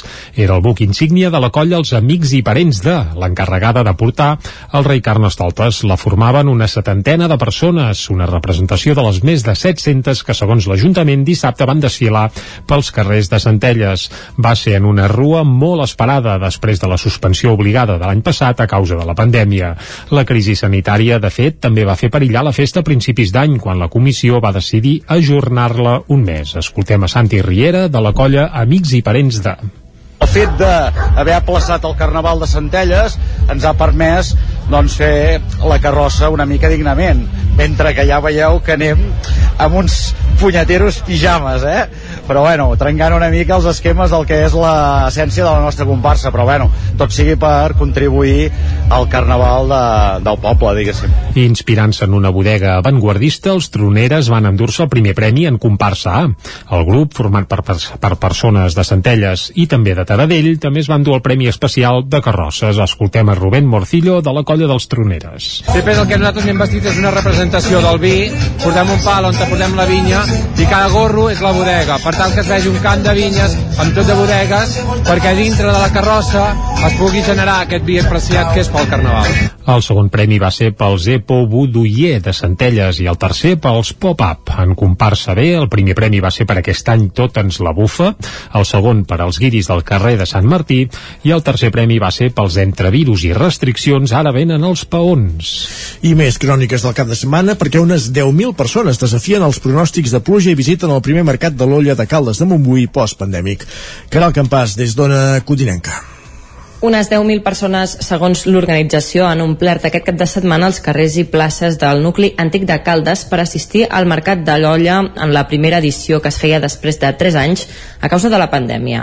Gran afluència de públic, sobretot tenint en compte les previsions que apuntaven a pluja dissabte i diumenge. Finalment va ploure, però diumenge al migdia, amb la qual cosa a partir d'aquell moment sí que tant l'afluència de públic com les parades van començar a minvar i es van traslladar les activitats familiars a l'espai Can Rius. Fins aquell moment però el mercat va ser un èxit, començant per la cocció de llegums amb aigua termal a l'olla gegant. Al llarg del cap de setmana se'n van repartir unes 3.000 racions i diumenge al migdia ja s'havien exaurit.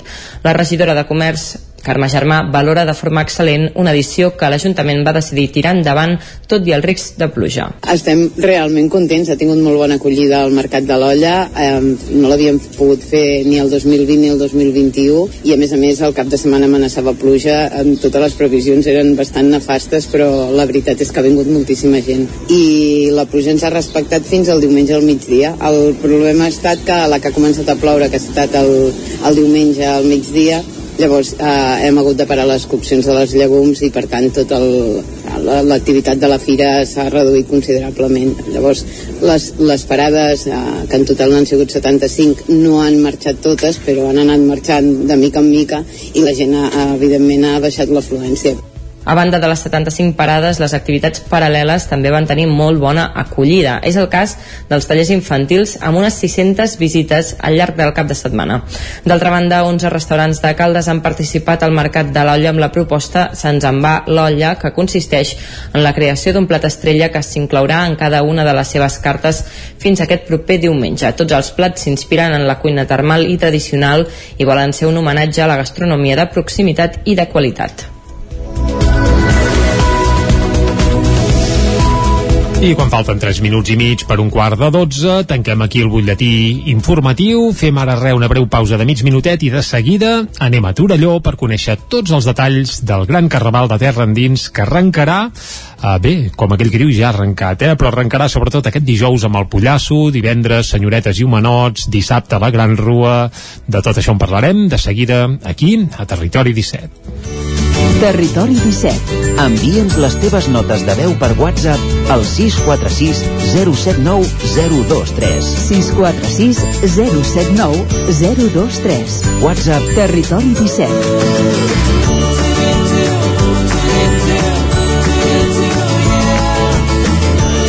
Territori 17. Som a Facebook, Twitter i Instagram amb l'usuari Territori 17.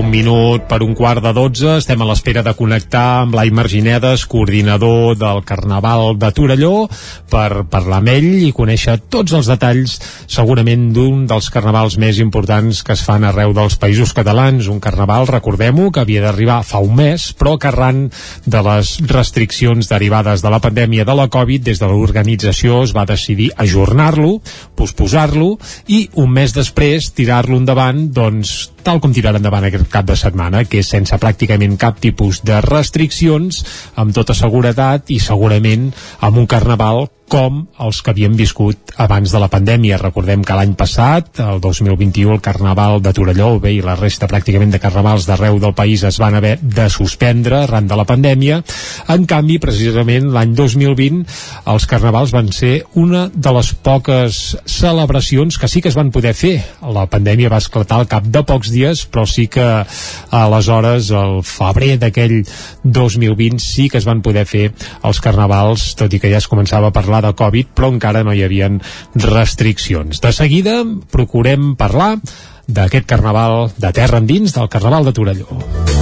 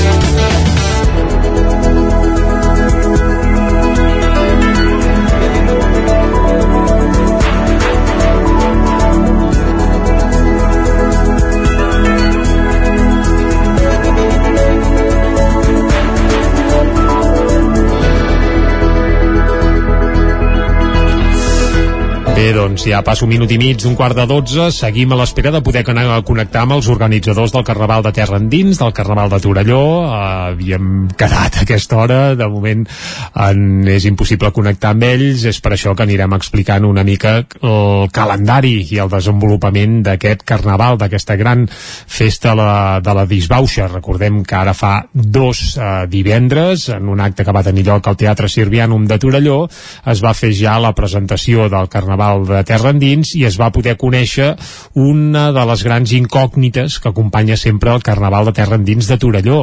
I és que des de ja fa uns quants anys que la figura del rei o reina Carnestoltes l'encarna alguna persona vinculada al Carnaval històricament, ja sigui a través de carrossaires, organització i sempre, a més a més, des de fa uns anys també s'alterna eh, una reina amb un rei. En la darrera edició, que no va ser la del 2021, sinó la del 2020, qui havia ostentat el paper de reina Carnestoltes doncs va ser una històrica actriu, en aquest cas torellonenca, també molt vinculada al Carnaval, i aquest 2022, doncs, qui encarnava la figura, qui encarna la figura del rei Carnestoltes, es va conèixer en un acte que va tenir lloc el divendres passat al Teatre Sirvianum de Torelló, un teatre que, per cert, estava ple de gom a gom, i el 40 el 44è, ja ho direm bé, rei Carnestoltes, és Joan Colomer. Es va desvetllar que Joan Colomer, que és un torellonenc eh, vinculat amb la colla de l'organització i un dels pioners del Carnaval, un Carnaval que recordem-ho, eh, 44 anys fa aquest 2022, que aviat és dit. Doncs el Joan Colomer, que tindrà molta feina. Per què? Doncs bé, perquè aquests dies el que ja està fent aquesta mateixa setmana és recórrer totes les escoles de la Vall del Gès, no només de Torelló, sinó també de Sant Vicenç i de Sant Pere, i, evidentment, hi acudeix encarnant la figura del rei Carnestoltes i recepta a tots els infants de la Vall del Gès, doncs, algunes mesures, alguns consells per anar cada dia a l'escola. Uh, avui mateix, per exemple, tots hi havien d'anar amb alguna indumentària al cap, demà hauran d'anar a l'escola en pijama i així cada dia fins divendres. A les escoles, el Carnaval sempre es viu doncs d'una manera ben intensa i curiosa. En el cas del Carnaval de Terra Endins de Torelló, doncs clar, no tot s'assenyeix a la rua de dissabte, perquè hi ha altres festivitats ja molt i molt arrelades, i diguem que els plats forts s'arrencaran dijous, aquest dijous amb la gran festa del Pollasso. És ja la 24a edició del Pollasso, que aviat és dit, i això, pels que no l'heu viscut, costa d'explicar perquè és, és una mica complicat, eh? Però bé, hi ha tot una parafernàlia i tot un seguici de figures que ja s'han constituït, bé, que ja formen part de la cultura popular de la Vall del Gès, eh, i tot plegat arrenca a dos quarts de nou del vespre amb una gran concentració a la plaça Germà Donat, allà es fa el pregó de sa majestat el rei Carnestoltes, en aquest cas es fa a la plaça de la Vila, aquest pregó, i després es fa una cercavila lúdico-festiva sexual fins a la plaça Vella. A la plaça Vella és on té lloc el ritual de la rauxa i allà el que es fa en acabat és servir entrepans de...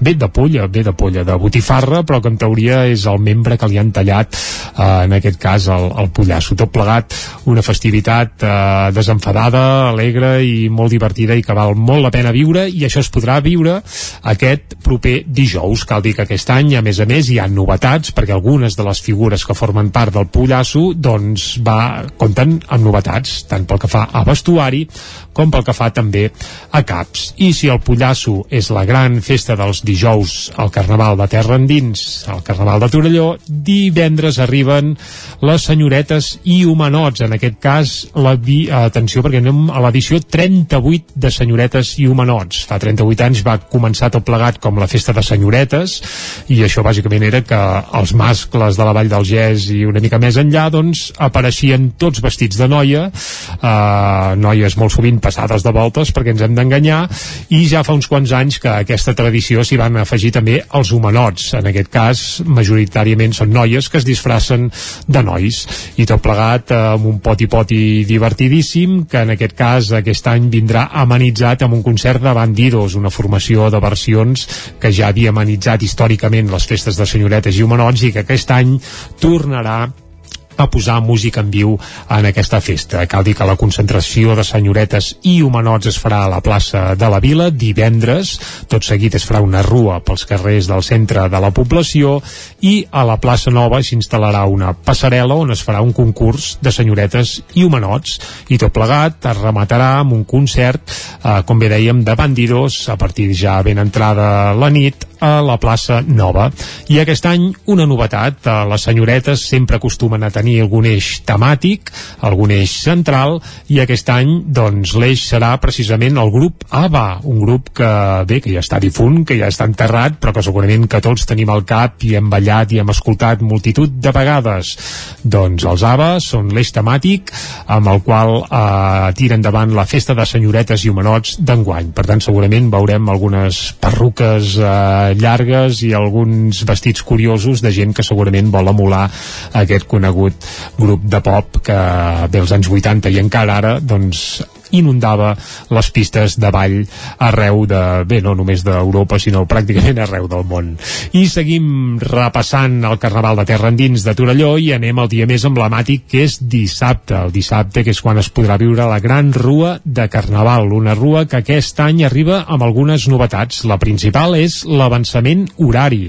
La rua arrencarà a les 6 de la tarda, ho farà com sempre des de la plaça de la Sardana, al barri de Montserrat de Torelló, i seguint el recorregut que ja li era habitual en aquests darrers anys, travessant tot el nucli eh, antic de Torelló, pel carrer Sant Josep, que és on hi ha el malic central de la festa, i acabant a la plaça Joanot Martorell. Aquest any sí que cal dir que hi ha algunes carrosses de menys que en l'anterior edició, però clar, tenint en compte que estem en temps de pandèmia, que moltes de les colles han tingut dificultats per tirar endavant les seves construccions i que també hi ha hagut algunes fusions, doncs eh, tot plegat té certa, certa lògica.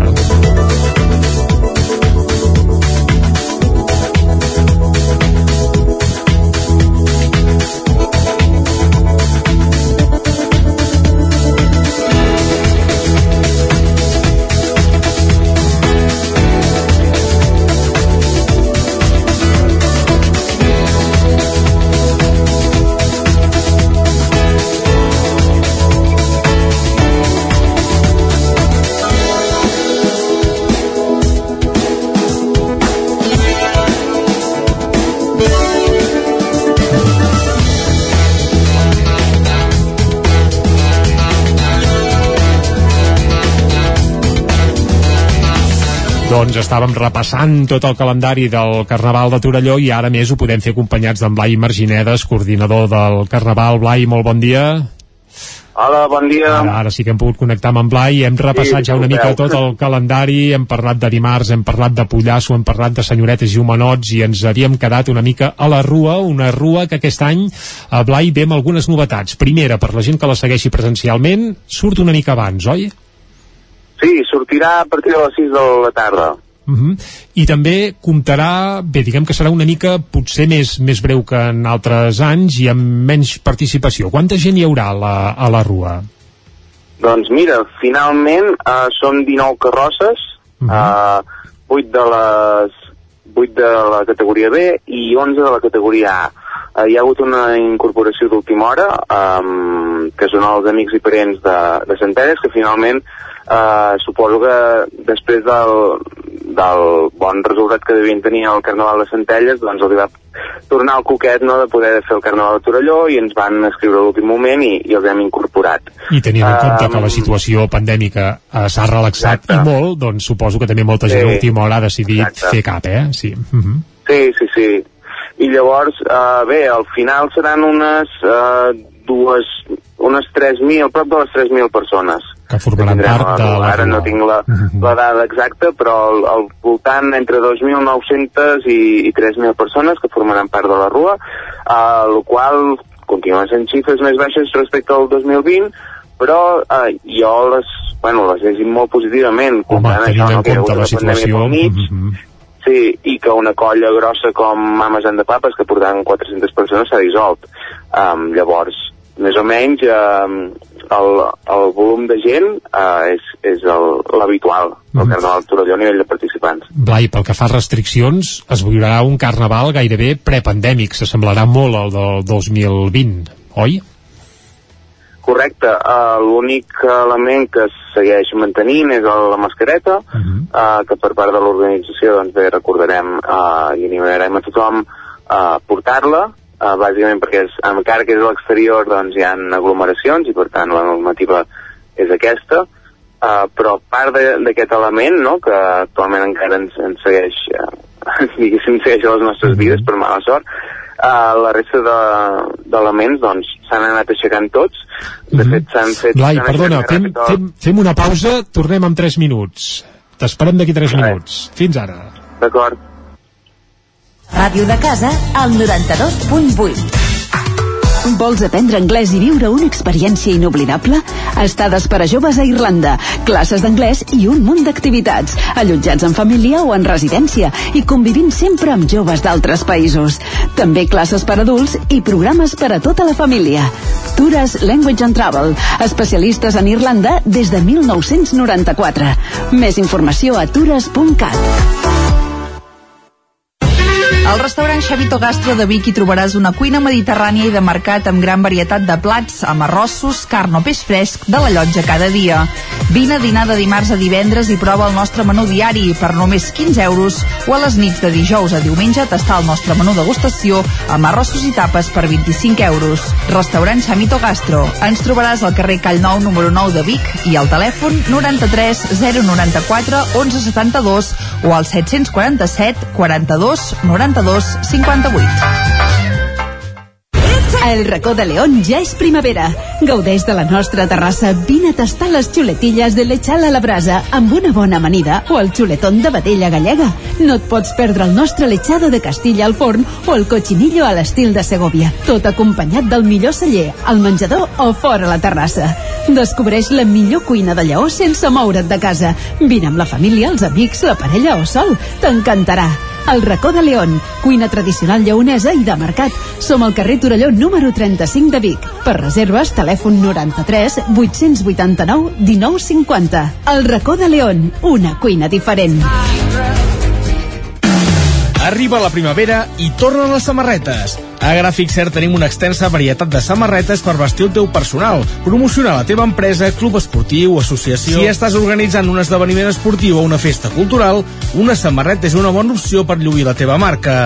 Ja ho saps, si el que necessites per la teva promoció és una samarreta, Gràfic Cert és el teu proveïdor.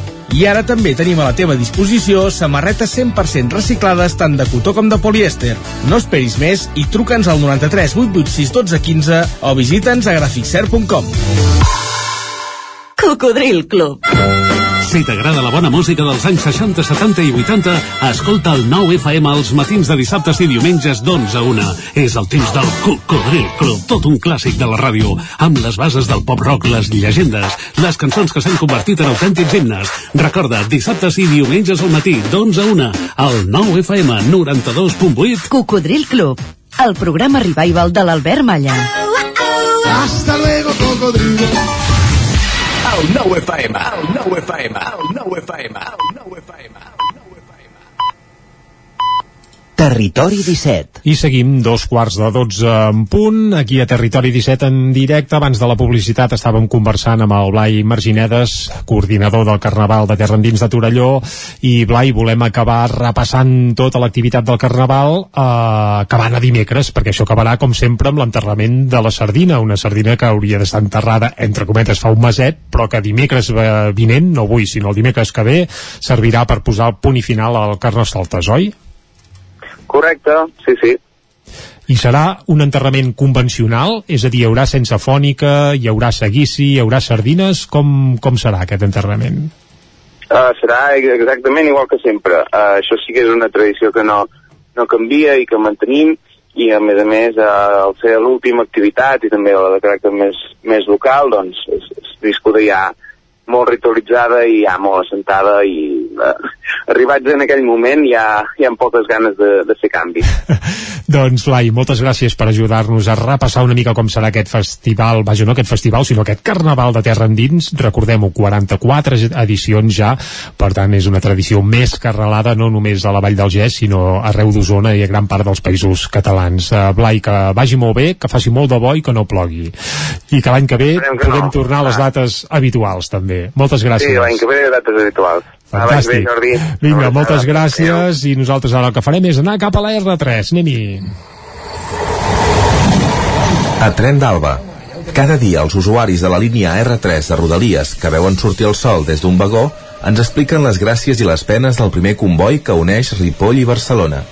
Benvinguts a Tren d'Alba. L'usuari de Twitter, Rafael Llinàs, avui es preguntava què passa amb el tren que va en direcció a l'Hospitalet de Llobregat, que estava parat amb un gat aquest matí. Demanava si hi havia alguna incidència i quin era el retard que es preveia. Renfe li contestava que per un problema a les instal·lacions de l'estació de Montgat, alguns trens han ampliat el seu temps de recorregut i poden romandre aturats més temps de l'habitual a mesura que s'acostin al punt afectat. Això és el pa de cada dia Rodalies. Cada dia hi ha incidències amb retards descomunals i sembla que és com una espiral. No té mai fi. Va, us deixo amb la crònica d'en Jordi Valls d'avui.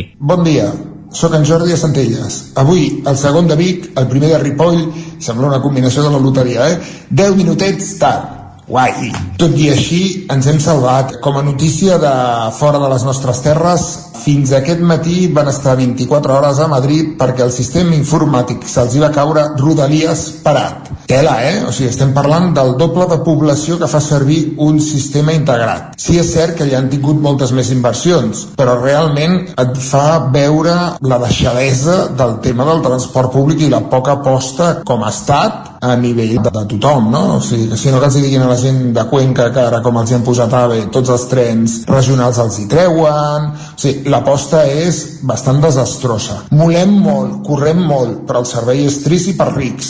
No sé si heu intentat anar, per exemple, amb Aflo, que seria de Renfe, o amb l'AVE, el que val, o heu anat amb Wigo, que són els francesos, amb un preu similar a l'Aflo, però un servei com a mínim somriuen. Hòstia, que ve molt de gust que et somriguin, eh? No sé, eh, ens ho hem de plantejar. Això del tren, la gent que ens l'estimem perquè hi militem i viatgem molt, el tenim una miqueta oblidat. I la marca acaba sent Renfe, ho sento, però és el que hi ha. D'acord? Doncs vinga, cuideu-vos molt i que una Renfe qualsevol no us espatlli la màgia del tren. Adéu-siau. Certament, el viatge fins a Madrid amb tren és car. Ara, amb l'Avlo, teòricament és més assequible viatjar fins a la capital d'Espanya. I estic d'acord que l'Ouigo té un millor servei que l'Avlo. Els trens són còmodes, tenen dos pisos i és força barat. Va, ens retrobem demà amb més històries del tren i de la R3. Territori 17. El racó de pensar, a Territori 17. Com es nota que l'Isaac Muntades és client de, dels trens que van cap a Madrid, sovint. Bé, tanquem aquí la R3, hem parlat també del Carnaval de Terra Endins de Torelló, i ara el que ens toca, som dimarts, eh, és parlar amb la Maria López, el racó de pensar. Maria, molt bon dia. Com estem? Bé, bé. Bon dia, bé. Uh, bé, no sóc l'Isaac, avui sóc en Jordi, però... Ostres, Jordi, perdona, ara, ara no. t'anava a dir que aquesta veu, aquesta sí, veu m'ha enganyat. Eh? ha canviat, ha canviat. No, però no pateixis, estem al peu del canó com sempre. I avui, Maria, de què ens parlareu aquí al racó de pensar?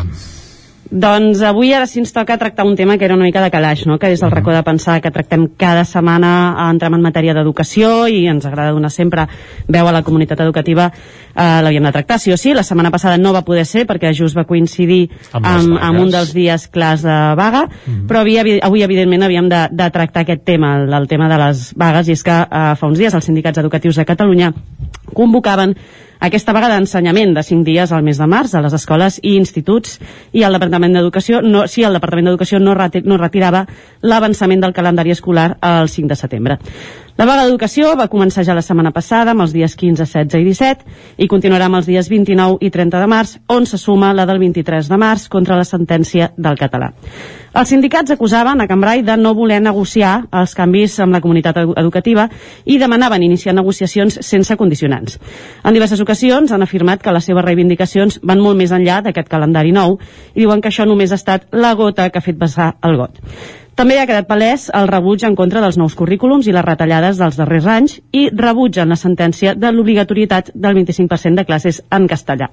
Quasi nada. O sigui, jo he anat així llegint-ho com superràpid i tinc aquí quatre persones a la meva esquerra que m'anaven afirmant així amb el cap. Així que avui tocava, sí o sí, escoltar la comunitat educativa i donar-los veu per tal que ens puguin explicar amb molt més detall tots aquests motius de la vaga d'aquests cinc dies al mes de març.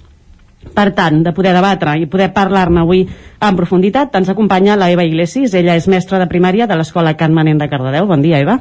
Bon dia. Ens acompanya, ens acompanya també l'Arnau Riera, és cap d'estudis de l'Institut El Suí de Cardedeu. Bon dia. Bon dia.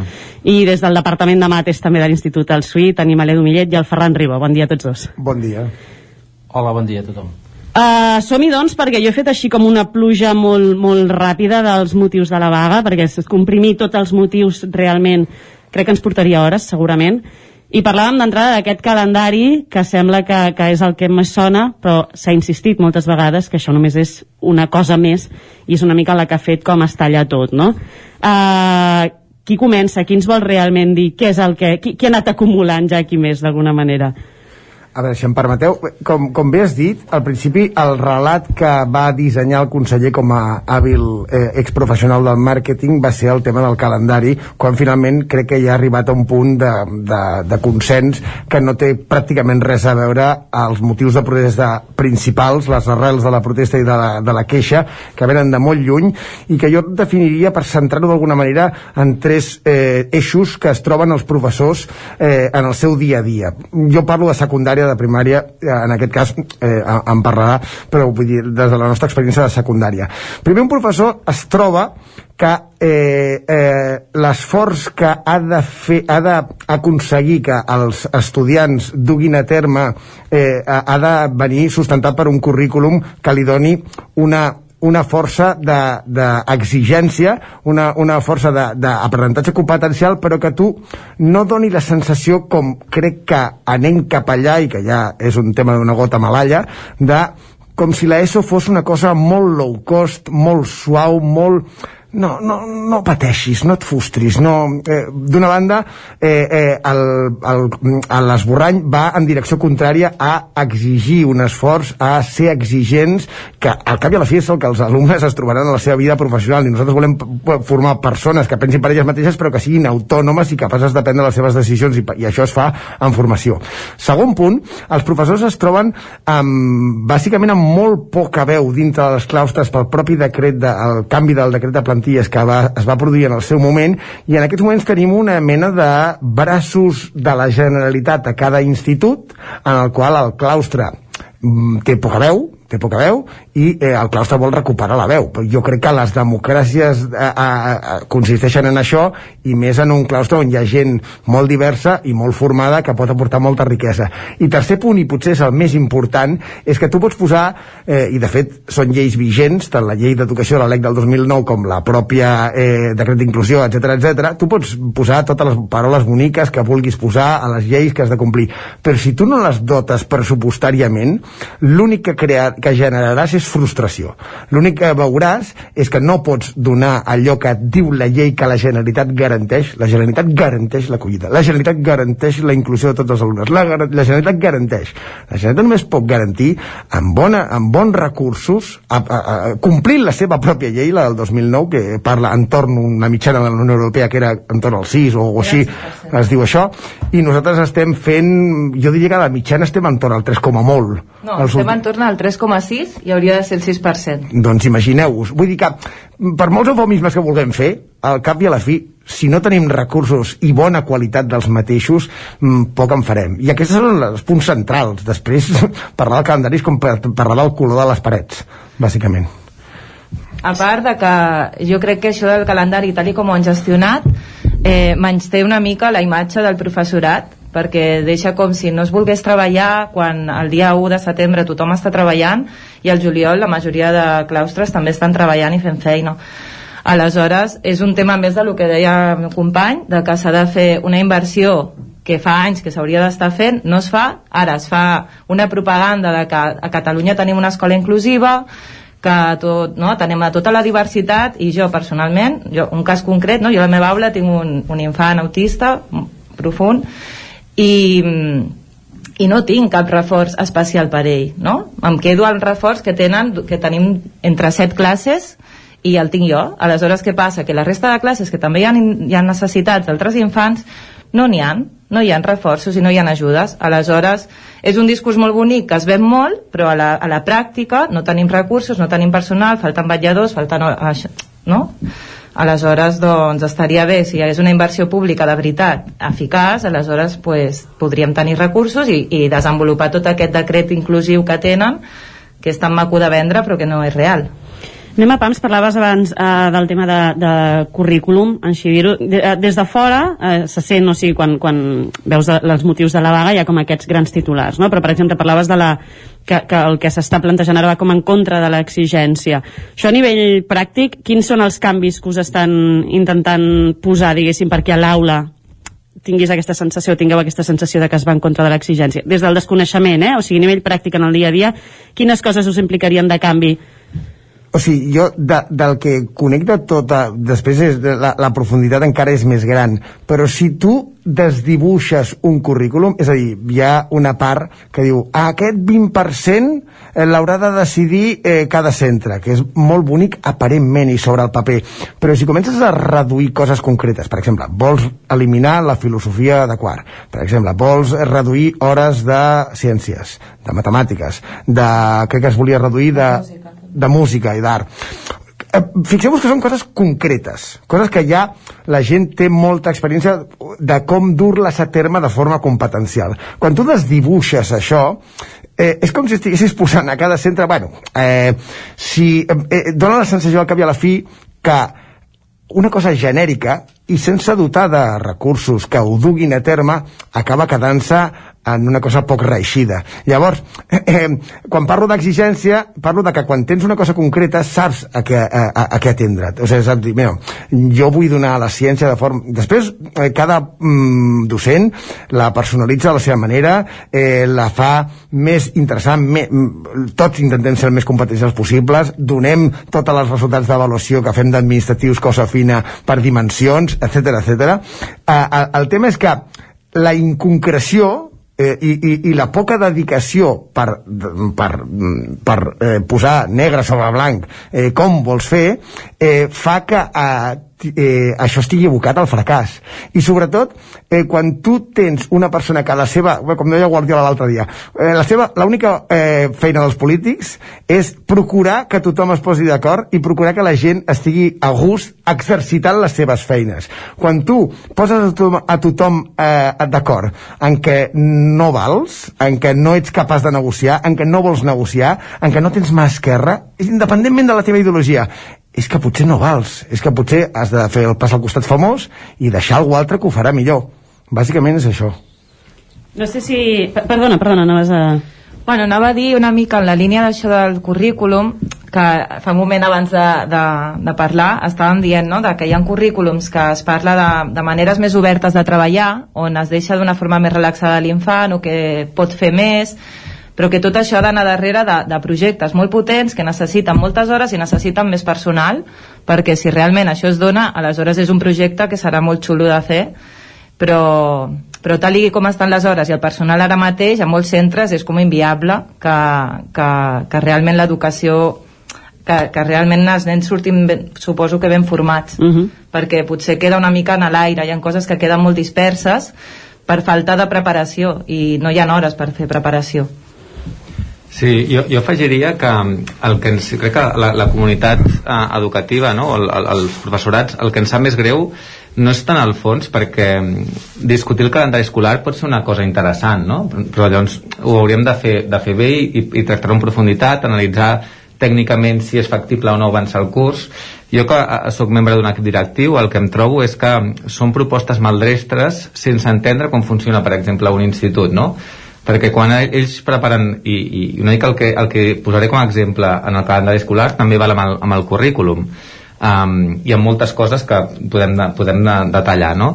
si, si ells diuen um, avancem el curs, clar, fins ara uh, jo el nou curs el preparem amb les persones que estaran al centre el nou curs nosaltres els claustres eh, degut a, a la- l'alta la, la alta fracció d'interins que tenim no, no són els mateixos d'un any per l'altre per tant nosaltres per preparar el curs eh, diguem de l'any que ve eh, no ho podem fer amb el personal que tenim aquest any l'hem de fer amb el personal l'any que ve llavors eh, treballar el juliol doncs, no ens resol aquest problema val? nosaltres per preparar també un nou curs els, aquest currículum eh, l'hem de conèixer amb antelació per, per veure com el, com el tractarem no?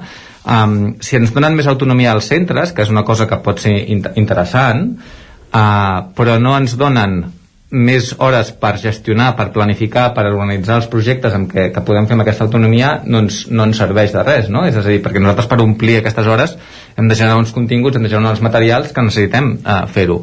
I, uh, i és, és un problema que quan vas al detall, quan vas a la, a la, a la cosa d'anem a posar-ho en pràctica, veus que tot grinyola, no? Que és com, tens la sensació que només es busquen titulars de diari però no es vol realment pensar en l'alumnat i, en, i en fer les coses ben fetes us puc posar molts, molts exemples de, de la, de, de, per exemple eh, tots hem notat que la factura de la llum ha pujat moltíssim en els darrers temps no?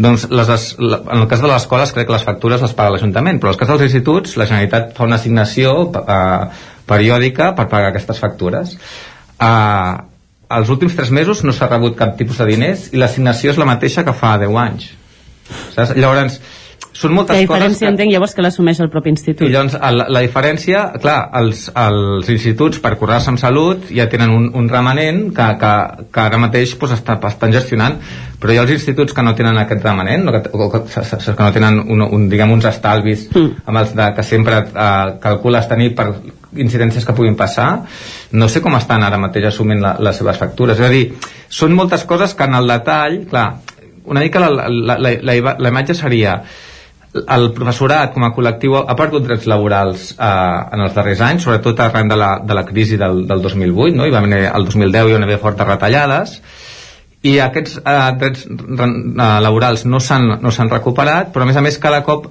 ha hagut d'assumir més coses. El decret d'inclusió que es parlava, que és, és molt bonic, eh, és molt interessant, però no, no, no ens han donat cap hora més de, de profes. Ara ens han donat també el, el Pla Digital de Catalunya, val? és a dir, la- la- l'any passat, suposo que això es, es va dir, no? La Generalitat als, eh, als instituts a molts, a molts nivells ha donat un ordinador per cada nen qui gestiona aquests ordinadors, qui els reparteix a l'alumnat, qui se'n fa càrrec, quan s'espatllen, com es gestiona la incidència d'espatllament, tot això és una càrrega, un volum de feina brutal. quantes hores de més ens han donat els centres per gestionar tota aquesta infraestructura que ens donen? Zero. És a dir, nosaltres hem d'assumir molta més feina val? A personal que no, no tenim la... Jo sóc professor, jo no, jo no sóc tècnic informàtic. Val? I, I ens trobem moltes vegades fent feines que no, que no ens toquen. Llavors, Perquè, a més, no deuen ser ordinadors d'aquells que no fallen mai, no? Ah, ah, jugaria una mà sí. que deuen ser dels que cada dos per tres els hi deu passar. Sí, la, la, la primera cosa interessant és, o per mi que paradoxal, és que per un costat ens parlen d'autonomia de centre, però per l'altre costat, eh, el Pla Digital de Catalunya no és que et diguin mira, cada centre disposareu de tants diners per decidir quina infraestructura és la que us convé més si voleu renovar espais, si voleu fer ordinadors, perquè els ordinadors de, als centres de Cardedeu tenim el tema dels ordinadors resolt. Tenim un conveni amb una, amb una empresa d'aquí, l'alumnat quan començava ESO eh, tenia un ordinador baix cost perquè era un sistema operatiu lliure, bueno, tenim aquest tema resolt. Doncs a, a Cardedeu potser no ens feia falta això.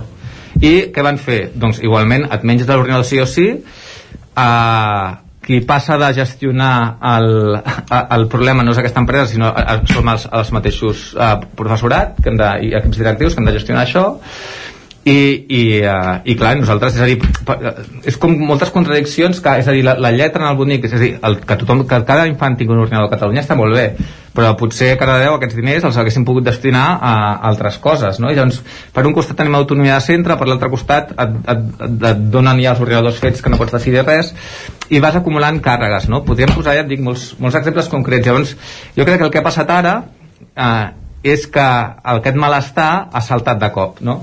Sobretot per les formes del, del conseller aquesta prepotència, el que no és lògic és que una cosa tan important com el currículum eh, es, faci, es, es digui que s'ha de començar a aplicar al setembre de l'any que ve a batxillerat encara no, no sabem res i, i de fet, és que un exemple, un exemple perdoneu que no estic molt organitzat no?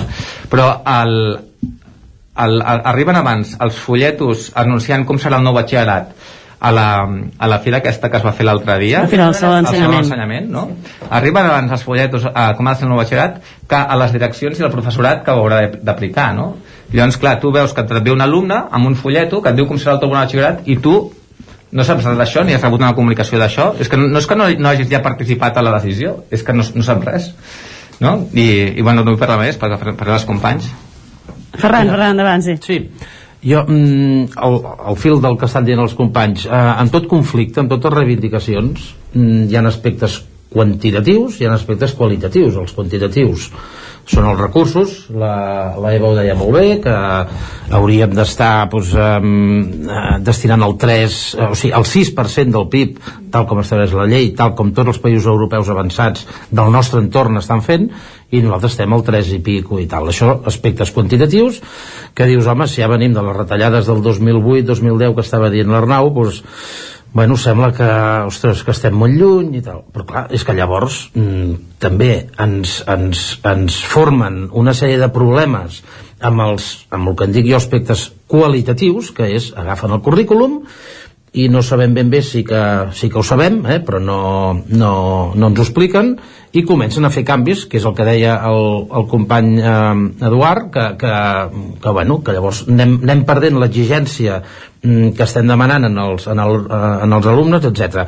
I els alumnes, quan em preguntaven que per què feien vaga, mm, jo potser a vegades un lema, un, un, un símbol, una, una frase curta ho pot resumir molt bé. Mm, jo els deia, mira, mm, entre altres coses ens volen eliminar la filosofia de l'ESO. Eh, jo tinc els alumnes de primer d'ESO i els hi preguntava què és la filosofia?